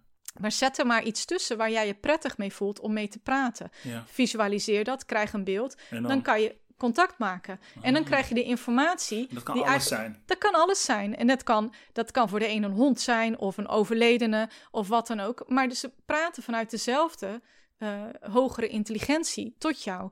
En omdat we het vaak... Hè, er zijn ook mensen die heel veel bidden tot God... en die zo ook boodschappen krijgen. Maar er zijn ook mensen die dus... eh, met, met andere entiteiten of met, met overledenen praten. En natuurlijk krijg je dan net iets specifiekere informatie, want je kan intunen op een ander veld en op Ja. een andere spirit. Ja. Maar de bron, de manier van contact maken Is is, hetzelfde. hetzelfde. En uiteindelijk zei ze van ook alles, alles is source. En, en vanuit die source is alles een source creation, Ja. een creatie van God. En is nog een stap verder, alles wat we hier doen is een co-creatie van zielen Mm, die hier op aarde zijn mm, om zichzelf te ervaren, om, zich, om zichzelf te manifesteren, om de, onze diepste verlangens en, en, en, en wensen en, en creatie in, in, in, de, in, ja, in de materie te zetten. Ja. Ja. En hoe tof is dat als je zo het leven kan zien? Dat als ik jou nu zie, dat ik denk, oh ja, jij bent ook source, weet je? Ja. En wij zitten hier samen en we creëren weer iets tofs. En zo. Ja. Dus eigenlijk wat ik, wat ik misschien, wat, wat jij mij doorgeeft, komt uit de source. Wat ik jou doorgeef, komt uit de source. Uit, het komt het allemaal, hetzelfde. allemaal ja, eruit. ja, Ja. het is allemaal één. Mm. En het is allemaal vanuit die, die source, die bron, het licht, is het hetzelfde bewustzijn wat, wat door ons heen stroomt. Alleen, er zitten wat lagen tussen soms, Ja. waardoor het niet zo lekker stroomt. Ja. En op het moment, ik heb, op het moment dat ik ga schrijven, gaat het open. Ja. Pff, krijg ik een download, ik schrijf het in een paar weken en that's it. Dan weet ik, het is goed, want het komt door. Ja. En hoe meer je daar dan weer op kan vertrouwen, dat die, die gesprekken of die, die informatie, dat het, dat het doorkomt en dat het goed is, Heel hoe vet. meer je op je eigen pad komt. Ja, dit is eigenlijk wat, wat, eh, wat, wat heel veel mensen hebben als ze een bepaald ding doen waardoor ze in een flow komen. Ik Ja. heb het met, met voetbal, heb ik dat bijvoorbeeld. Ja.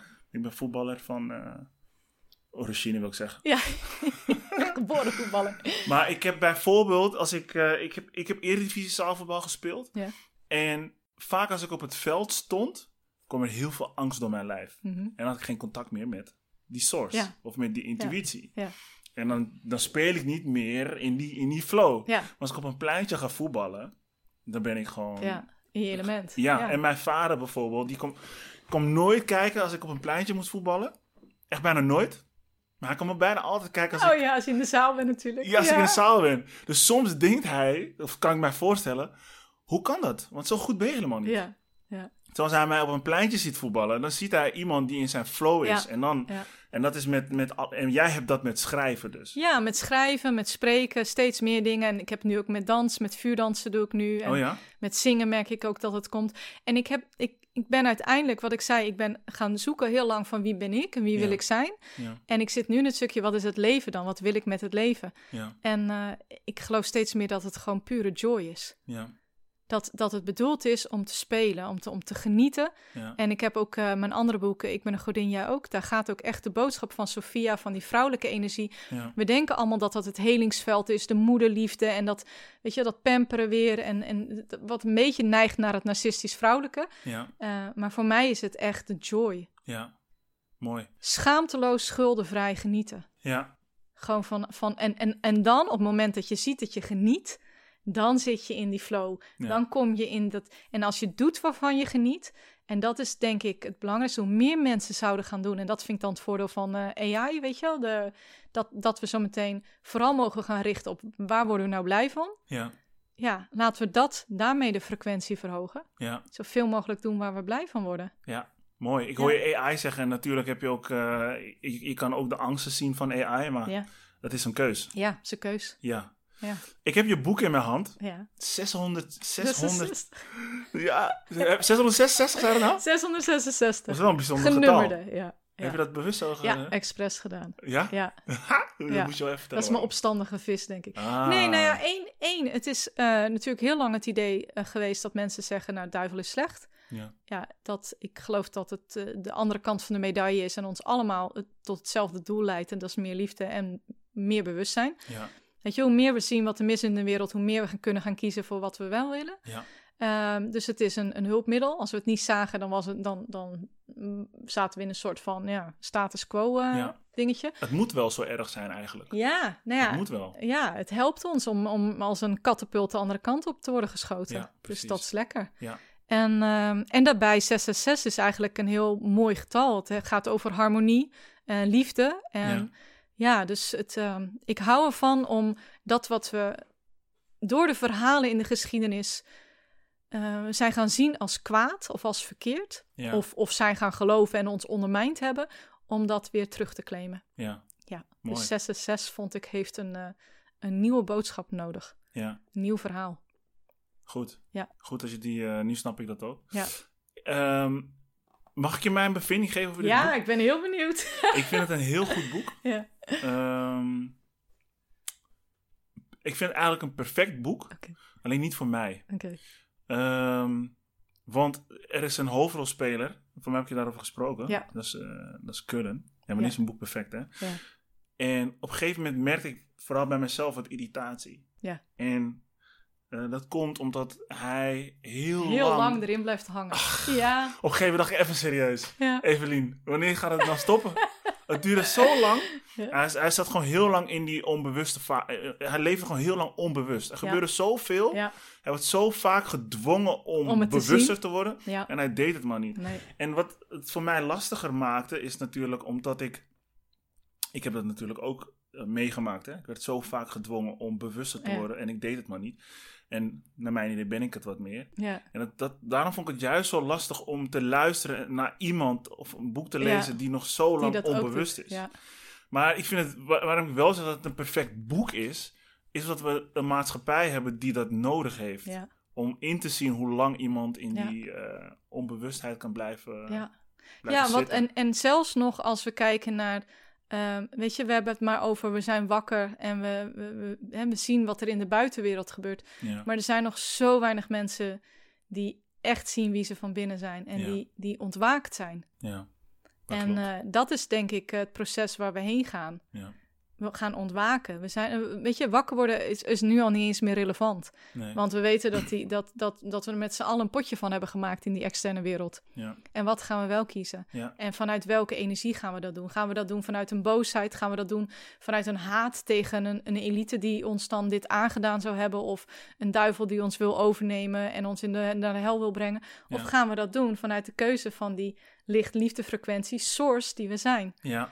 En eh, ja, het is, het is ook echt de bedoeling geweest dat het moest schuren. Dat je echt dacht van, my god, weet je. Colin, even serieus. Schiet nou eens op! Ja. Maar dat is wel wat, wat, wat je natuurlijk net al zei. Als je een vriend, een vriend hebt die het maar niet wil zien. Herhaaldelijk van, een, van dingen. Ehm, dit is echt wat onze wereld momenteel, voor mijn gevoel, ehm, naar beneden haalt en, en, en uitput. ja. Oeverloos, maar blijven kijken naar hetzelfde. Ja. En niet de eigen verantwoordelijkheid nemen om de innerlijke wereld te veranderen. Ja. Ja. Echt, eh, echt een goed boek. Ik ga, Ja. We gaan nu niet het hele boek eh, doorspitten, maar ik wil enkele dingen eh, aanhalen. Ehm, ik wilde eerst iets zeggen. Weet ik niet meer, maar maakt niet uit. Er is een stukje, er is eigenlijk een heel klein stukje tekst. Ja. Die wil ik even oplezen, want ik vind het een gruwelijk stukje tekst. Oké. Ja? Kijk of ik dat goed doe. Geen goed en slecht. Precies, oh ja, dat is waar. Eh, God is oneindig en dus expandeert het universum continu. Gods bewustzijn krijgt zo ook steeds meer vorm. En daarmee ook het woord. Ieder woord van God dat voortkomt uit dit bewustzijn is het resultaat van de creërende kracht van de gedachte. Iedere gedachte vormt een woord. Zo ontstaan verhalen en door verhalen ontstaat onze geschiedenis.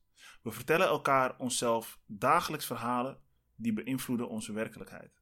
Wat je aandacht geeft, groeit. God schept van, vanuit zijn wijsheid en liefde. In alles, zowel de geestelijke wereld, als in de materie, vloeit zijn licht door. Niets bestaat zonder dat licht. Het is, het is de vonk, het vuur, de materie. God zit in ieder mens. Daarom zit het Christusbewustzijn ook in jou. Jij bent een creatie van het licht, voortkomend uit een gedachte. Het bewustzijn van God dat iedere keer weer expandeert, creëert en manifesteert. Ja. Ik vind het gruwelijk stuk. Ja. Ik vind het zo mooi. En vooral het stukje dat, eh, heel simpel, God zit in ieder mens. Ja. En ik denk dat wij in, in vooral mijn generatie, ik denk de generatie voor mij en ook de genera generaties voor Ja. mij, echt zijn opgegroeid met God is buiten ons. Ja. En ehm, ik wil er ook meer naartoe dat we gaan beseffen dat wij, dat die in ons zit. Ja, en, en je zou het ook zelfs nog een stuk verder gaan maar dan ga ik echt heel veel mensen helemaal gek maken. Mm. Is dat, dat jij bent God. Mm. Want jij bent schepper van jouw eigen werkelijkheid. Mm. Precies. Ja. En, en, maar dat mag niet gezegd worden, want dan zijn we bang dat dat naar eh, hoogmoedswaanzin leidt of naar een, Ja. een niet humble besef van hoe nietig we dan weer zijn, weet je wel. Ja. En, eh, maar het is wel zo. Ja. Want je bent een afgescheiden stukje, maar daarmee ben je dat nog Een wel. expressie van. Ja, expressie van. En het grappige is, want ik zou gelijk even terugkomen op... eh, voor mij is God is, is ook niet een man Mhm. die op een troon zit of wat dan ook. Maar je had het in het begin over de zon en de maan. Ja, ik geloof dat de zon en de maan die we zien... dat dat misschien mannelijk-vrouwelijk kan zijn. Eh, In energie, hè? in, Ik heb energie. Ja, ja. Maar voor mij is het, het, eh, het God en ehm, het hele goddelijke divine is, is het licht. ja. Is een bron van licht. De galactische zon zie ik het vaak als symbool waarvan vandaan komen. Ja. En als je eh, kijkt dat, we zeggen wel eens, hè, we zijn sterrenkinderen. ja. En ehm, al ons goud hier op aarde komt van de sterren. En dan is het wel grappig als we dan realiseren, wij sterrenkinderen, wij zijn dat goud. Wij zijn dat goud hier neergedaald op aarde Ja. om hier gewoon in die hemel op aarde te leven. Het is hier al. Ja. Alleen, ja, het is maar net welke, welke realiteit je kiest. Ja. En die realiteit kiezen wordt denk ik de komende tijd makkelijker, omdat je gaat zien van, hé, hey, daar doe ik niet meer aan mee Ja. en daar wel. En wat je niet meer aan meedoet, ga je nog wel zien, Ja. maar het gaat je niet meer raken. Het gaat niks meer met je doen, want je kiest al voor iets anders. Dus je zit in een andere frequency, Ja. zeg maar. En eh, dus, dus ja, dat is voor mij dus die, die God, is voor mij die lichtbron. En het grappige is dat als je kijkt naar eh, bijvoorbeeld de Koran, Mhm. eh, dat daar ook heel veel eh, moslims associëren God ook niet. Hè? Je mag daar ook geen beeldenis van God geven of Mhm. van, van de profeten, want dat vertekent eh, de Ja, waarheid. Iemand Eh, ide- Ja, want dan ga je, weer ga je Ja. een, beeld, een beeld erbij krijgen en dan ga je een, een, een aftakking van de waarheid krijgen. ja. Mm. En zij zien ook gewoon God als een bron van licht. Mm. Dus dat is wel heel tof. Dat, ja. ja. Ik moet de Koran eh, eens lezen. Het is interessant. Het is heel boeiend. Ja. En ik, ehm, ik, kijk, ik ben al langer geïnteresseerd in geloof en ik zie dat eigenlijk allemaal gronden ze op hetzelfde, of dezelfde eh, boodschap. Ja. Eh, en ik denk dat door cultuur gebonden zijn er diverse stromingen ontstaan. Maar ik Ja. geloof dat er maar één geloof is. Ja. En daar gaan we langzaamaan eh, steeds verder naartoe. Ja, mooi. Mijn- ja, Maar ik, ga, ik ben geïnspireerd om eh, de Koran eh, Ja. te nemen als volgend boek. Want ik, ik heb het nooit gelezen. En Mhm. ik ben opgegroeid in Amsterdam-West met alleen maar moslims. ja, Amsterdam-West is echt is gewoon klein Ja. Istanbul slash Marrakesh. En het beeld dat ik dan heb van het geloof komt natuurlijk voort uit wat ik heb gezien. uit de culturele uitingen van. Juist. Ja. Ja. en dat heeft eigenlijk iedereen die de Koran niet Ja. heeft gelezen hier zo. Nee. Dus ik, ehm, ik, wil het wel even, ik wil het wel even Ja. doen, ja. Zeker doen. ja. Ehm, ik wilde nog een stukje ehm, uit het boek volgens mij aangrijpen. Wat ik je eerst wilde vragen, dat was mijn vraag die ik was vergeten. Dit boek is door jou heen gekomen. Mhm. Hoe ga je om met credits die jij krijgt voor dit boek? ja, vind ik ook soms lastig. Ja, Ja, kijk, het is natuurlijk wel, ik, ik krijg de boodschap tijdens het schrijven. Ik kleur het in met mijn verhalen, met mijn eigen ervaringen, met wat ik zie, met wat ik waarneem, wat ik heb geleerd in de loop der jaren. Ik doe al research eigenlijk naar hoe het leven in elkaar zit en de wereld in elkaar zit vanaf dat ik misschien 15, 16 was. ja, Dus daar, weet je, als we het hebben over Down the Rabbit Hole, daar zat ik al in toen ik, twa- toen Oh ja? 20 was, weet je. Ah. Toen was ik al, omdat ik vastliep in mijn geneeskundeopleiding, dat ik dacht, dit klopt niet. Mm, Dus daar was het mee begonnen. Nou, en dan gaat het zo verder. ja, Dus het is, ja, het is deels, het is wel een talent van mij wat ik mag neerzetten in de wereld. Dus ik mag ook trots zijn op wat ik mag delen. juist. Dus daar zit ik wel, maar de boodschap vind ik altijd... Want heel vaak als ik het heb geschreven, ze hebben echt met al mijn boeken geweest, dan... Ik lees het heel veel keren nog door en ik redigeer het en er komt een eindredactie. Ja, En dan vlak voordat het naar de drukker gaat, dan, dan lees ik de proefdruk nog één keer. ja, En dat is eigenlijk, dat hele traject is super irritant. Want op een gegeven moment ben je eigen boek helemaal zat. En Ja. al. Maar goed, aan het einde lees ik nog één keer, maar echt probeer ik dan hem los te lezen. mm, Gewoon los van alles, van wat is dit nou voor boek? ja, En ik zit meestal aan het einde met tranen in mijn ogen en denk ik, heb het gewoon over mezelf geschreven. ja. en dan cool. zoveel dingen vallen op zijn plek, dat ik eigenlijk daarmee eh, een stukje voor mezelf ook weer in de materie bevestig. ja, En, en, en mezelf ook weer een stukje van mijn werkelijkheid creëer. ja. Dus het werkt ook heel, weet je, alles wat je opschrijft, daar, daarom werkt journaling zo goed en, en dagboeken bijhouden. Omdat je daarmee je eigen, je eigen verhaal schrijft. Ja. Dus ik had wel zoiets na deze tien jaar duisternis aan, dan wil ik niet meer eindigen. Dus ik ben wel, eh, in september start ik met mijn volgende boek. En die gaat over het heilige huwelijk. In de mensen met elkaar. Mm, Dus eh, dat ik dacht, ik wil wel met liefde eindigen. mm. Dus niet met tien jaar duisternis. Ik zie je sowieso nog voorlopig even niet eindigen. Eh, Nee, sowieso niet. Maar met schrijven heb ik wel... Ik had, ik had echt vijf boeken in mijn hoofd. Die wilde ik heel graag schrijven, al vanaf 2020. Ja. En eh, de volgende heb ik ook al zo het verhaal in, in mijn hoofd. En het staat al zo dat ik hoef het alleen om op te schrijven. Ja. En daarna wil ik gaan zingen. Dus, ja, het is echt, ja. echt een heel vet boek. En vooral, ehm, er zitten ook heel veel dingen tussen. Waar, je Ja. over die rabbit hole natuurlijk. Ja. Dat is echt ja, ongelooflijk. zit echt heel veel kennis in. Daar wil ik het niet te veel over hebben, nee. want ik wil niet dat het eh, offline gehaald Nee. wordt. Nee. Maar had je dan ook niet dat je dan bijvoorbeeld... Ik weet niet hoe je dingen doorkrijgt, hè, maar dat je dan soms dingen doorkrijgt... en dat je denkt, oeh, dit is wel intens. Maar ik krijg het door, dus ik moet het opschrijven. Nee, want ik schrijf eigenlijk gewoon in een flow. En ik schrijf gewoon alles op wat ik denk. Ja, En ik, ik heb eigenlijk in die eh, begin coronatijd eh, geleerd om gewoon op te schrijven. eh, En, en altijd, maar altijd vanuit gouden midden. Hè? Want ik geloof Ja. ook niet dat er een waarheid in zit. En dat is denk ik ook wat je heel goed in het boek ziet. Dat het hangt er maar net vanaf welke kant je bekijkt. ja, Ehm, dus, dus in alles zit een, een mooie beweging. En alles zit een spiegel. ja, En ik zie het als een soort van pendule van een klok die continu maar de ene kant en de andere kant pakt. ja, En de bedoeling is om in het gouden midden te eindigen. ja. In die alignment met hemel, aarde, God, de bron, of hoe je het ook wil noemen. En Ja. dan jouw licht op aarde manifesteren. Ja. Dus ehm, ja, ik, die rabbit hole was voor mij in eerste instantie inderdaad van, oh, wat heftig. En daarna kon ik, kon ik uitzoomen en kon ik een aanluisterview kijken. Dus als ik schrijf, dan schrijf ik gewoon en het gaat in één stuk door. En ik heb nooit dat ik denk, dat, ik denk, ik denk er niet over na. Nee, nee, Nee. ook niet met, met het publiceren? Ehm, nee, nooit. Nee, Dapper. ik weet altijd, dit is het wat ik moet delen en dit is het. Ja, Ja, ja nee. vol vertrouwen eh, ja, ja. eigenlijk. Ja, maar ook omdat ik, omdat ik het niet verkondig als waarheid. Mm, Dus ik weet dat het is. ik geloof ook niet per se dat het waar is. mm, Ik belicht het alleen. Mm. Weet je, dat speelt er ook. Dit kan er ook spelen. Dit is ook wat er wordt gezegd en wat er gebeurt en wat er is. ja, En op het moment dat je dat niet als waarheid zit, kan, zie, kan, je, het ook niet, ehm, kan je het ook niet wegstoppen in een bepaalde hoek. mm, mooi. Want ook- ieder die het leest, zal, zal ehm, vanuit zijn eigen perspectief het in eerste instantie lezen, maar Ja. daarna denken van, hé, hey, wacht even, er shift iets in mij. Ja, En eh, klopt. ja, begrip krijgen voor elkaar. Ja, Ja. echt tof. Heb je, heb je veel kritiek gehad op dit boek? Nee, helemaal niks. Nog. Nog, zeg ik. Ja, oké, dat kan. Ja, ja. Dat kan. Cool. Hoe vind je zelf dat het wordt, wordt verkocht, gelezen? Nou, ik had toevallig van de week een hele mooie. eh, iemand die echt zei dat hij aan het einde dat hij er zo in zat en zoveel herkenning kreeg.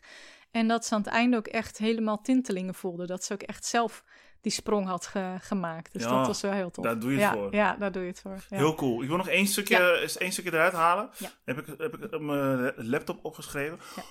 Ons land is het belangrijkste schakel in de wereld. Niet alleen vanwege de ligging en daardoor goede bereikbaarheid van de haven, Mhm. ook in verband met de ontdekkingsmentaliteit. Ja. Eh, ons land is de schakel in human en chi- child trafficking vanwege de centrale ligging en, onder, en anderzijds ook de plek waar het grote ontwaken zal beginnen Ja. en zich zal verankeren om zo verder via het water uit te stromen over de wereld. Ja. Dus iets in mij zegt, ja, wat vet, dat ik onderdeel zal zijn van het grote ontwaken. Dat is jouw keuze. Is dat zo? Ja, als je dat wil, wel. Als je dat niet wil, niet. Dan zou ik. Ik, geloof namelijk Dan dat moet die. vertrekken bedoel je daarin? zo? Nee, ik denk namelijk dat, dat waar, waar je een, een, een zo grote tegenstelling hebt tussen enerzijds de potentie van een, van een locatie of van een, van een land Ja, en anderzijds eh, de verdoemenis die er ook misschien wel is, zeg maar, ja, dat het aan jou de keuze is, ga je in die potentie zitten of ga je aan die andere kant zitten? Hmm. En gaat die andere kant dan inderdaad dusdanig destructief worden, dus, eh, destructief worden dat je daarmee ten onder gaat? Mhm. Of ga je voor die, voor die andere ontwaken kiezen? ja, Dus het is nog steeds jouw keus. ja, Ook al woon je er. ja, Ik wil niet zeggen dat je gelijk meevaart met de een dan wel de ander. Kijk, wa- waar, waar ik in geloof is dat ten eerste is water is een, ene- ene- is een informatiedrager. Mhm. Dus waterstof met name. Dus waterstof gaat over de, hè, de waterdamp gaat over de hele wereld. Daarom zie je dat die, die, die, die, ja, de, de cyclus van het water eigenlijk, de kringloop, die is zo belangrijk. Want die informatie in dat water wordt overal heen gedragen. Die verdampt weer en die daalt weer ergens anders Ja. neer. Weet je, donkere wolken pakken zich samen. Wij, wij, onze gedachten zitten in die wolken. En hoe meer angst er zit, hoe donkerder die wolken. Hoe meer licht, hoe meer licht er over, het, over de wereld komt. En in Nederland eh, zie je gewoon dat Nederland ehm, op de een of andere manier altijd een best wel centrale rol heeft gespeeld in politiek, in andere dingen, in, in uh, oorlogen en weet ik wat. En je kan dan denken, ja, waarom? Het is maar een heel klein landje en wat, wat is het? Maar het heeft ook weer met energetische velden te maken en, en energielijnen. En, en inderdaad, de, de bron is water. Wij zijn een waterland. Mm. En uh, ja, daar, daar zit dus de kracht. Ik zat laatst nog te denken, je ziet nu heel veel vrouwen ook uh, van die waterceremonies doen. En dan brengen we wel water vanuit verschillende windrichtingen in een schaaltje. Ja. Maar we zouden eigenlijk gewoon bij de zee moeten gaan staan en, en de zee moeten zegenen, want dat is de energie die we meegeven, onze, onze wijsheid. Plus dat, dat water is, is, is wat we zijn. We zijn als water. Ja. En wij hebben als volk geleerd om hoe wij met water om kunnen gaan. Ja. En um, in Eva's Lief heb ik daar een stukje over geschreven. Dat we hebben natuurlijk lange tijd geprobeerd het water te kaderen, te knechten. Dus er waren dijken gekomen, stormweringen, et cetera. En toen bleek dat dat zorgde voor eigenlijk een, een, een, onre ja, een ongelijke druk. Ja. Waardoor er weer juist meer gevaar kwam voor overstromingen. En toen zijn ze die nieuwe watervoorzieningen gaan bedenken. Waarbij dus je stukken land leeg kan laten lopen, op weet je, die, die meer getijden volgen. Dus toen is er meer ruimte gegeven aan het water. Dus wij zijn eigenlijk altijd aan het zoeken van wat moeten we met dat water. Ja. Dus wij zijn echt wel een waterland en we zijn de hele wereld over gereisd als, gereisd als ontdekkingsreizigers. En, en dus het zit in ons bloed Mm -hmm. om daar meer. En, en ook al zijn de mensen nu wel van, oh ja, we hebben het hier heel erg in Nederland en er is heel veel geklaag en, en het is allemaal ellende en noem maar op. En ik weet het, het is er.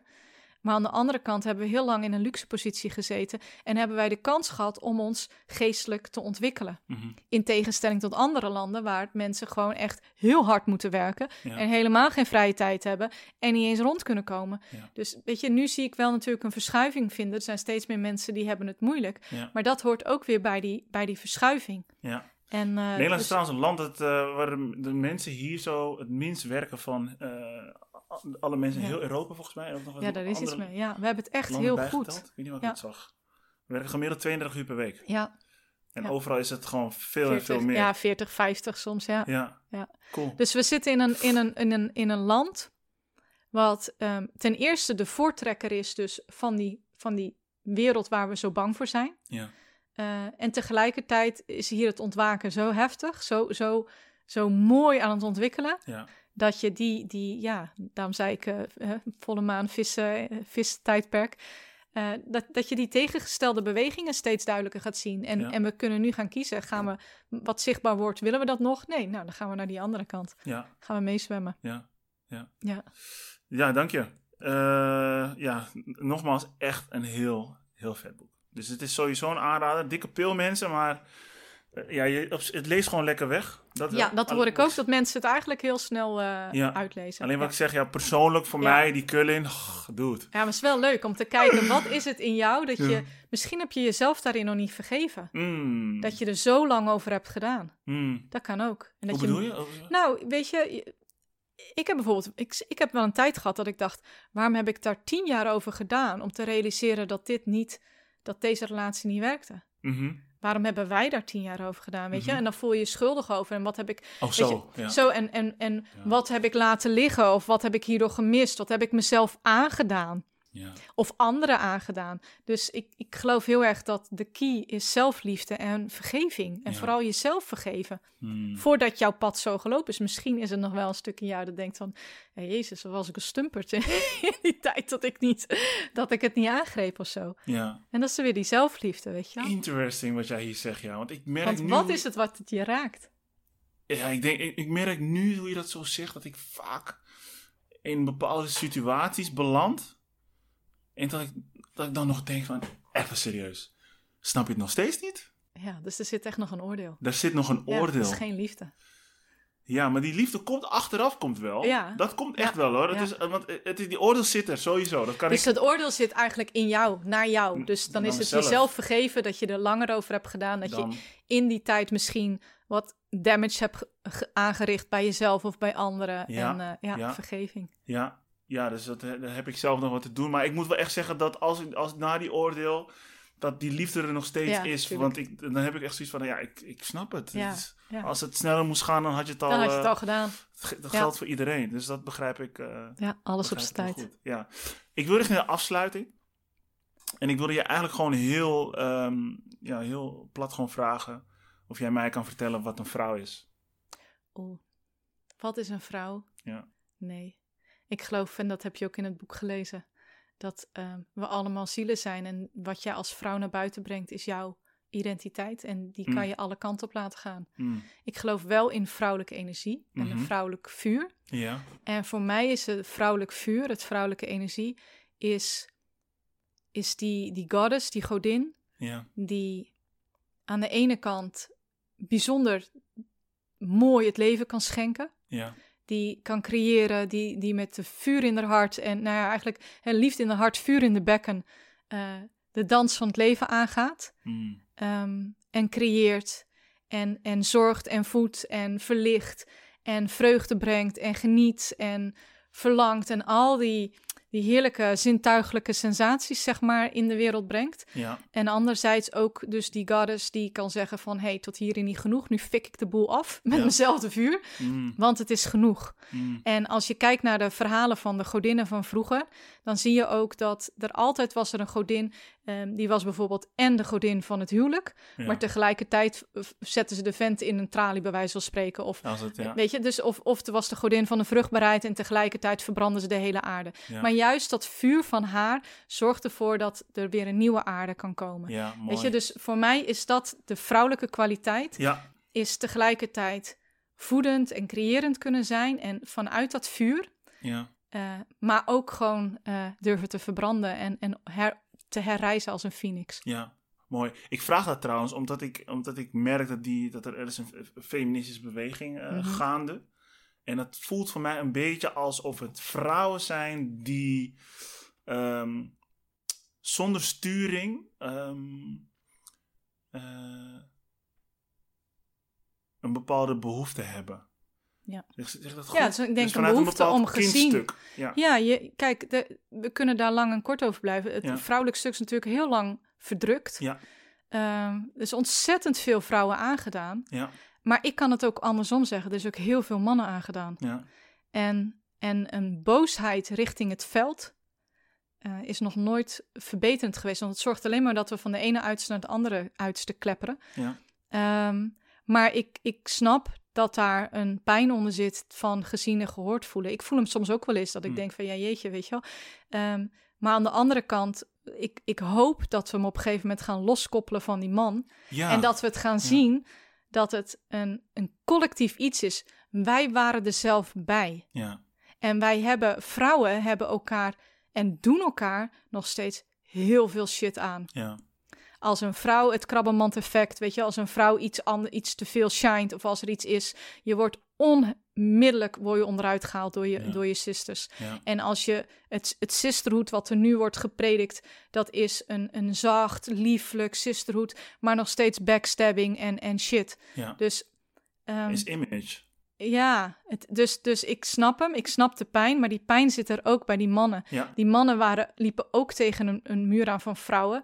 Eh, en konden ook hun, werden ook niet gezien en voelden ook hun behoefte niet. Dus ik hoop dat we gaan herinneren dat we allemaal source zijn. Dat we mannelijk-vrouwelijk in onszelf hebben. ja, En dat wij vanuit dat beeld androgyn zijn. Dus we zijn geen man of vrouw per definitie. ja, Maar we zijn hier co-creators. ja, En eh, ja, de haat naar elkaar en, het- en het, het per se claimen of, of veroordelen of wijzen ja, is intens. ehm, is heel intens. En ik, ik, zie, ik heb twee jongens en ik, ik zie wat, wat in, de ma- in de maatschappij aan het veranderen is jegens hun gedrag.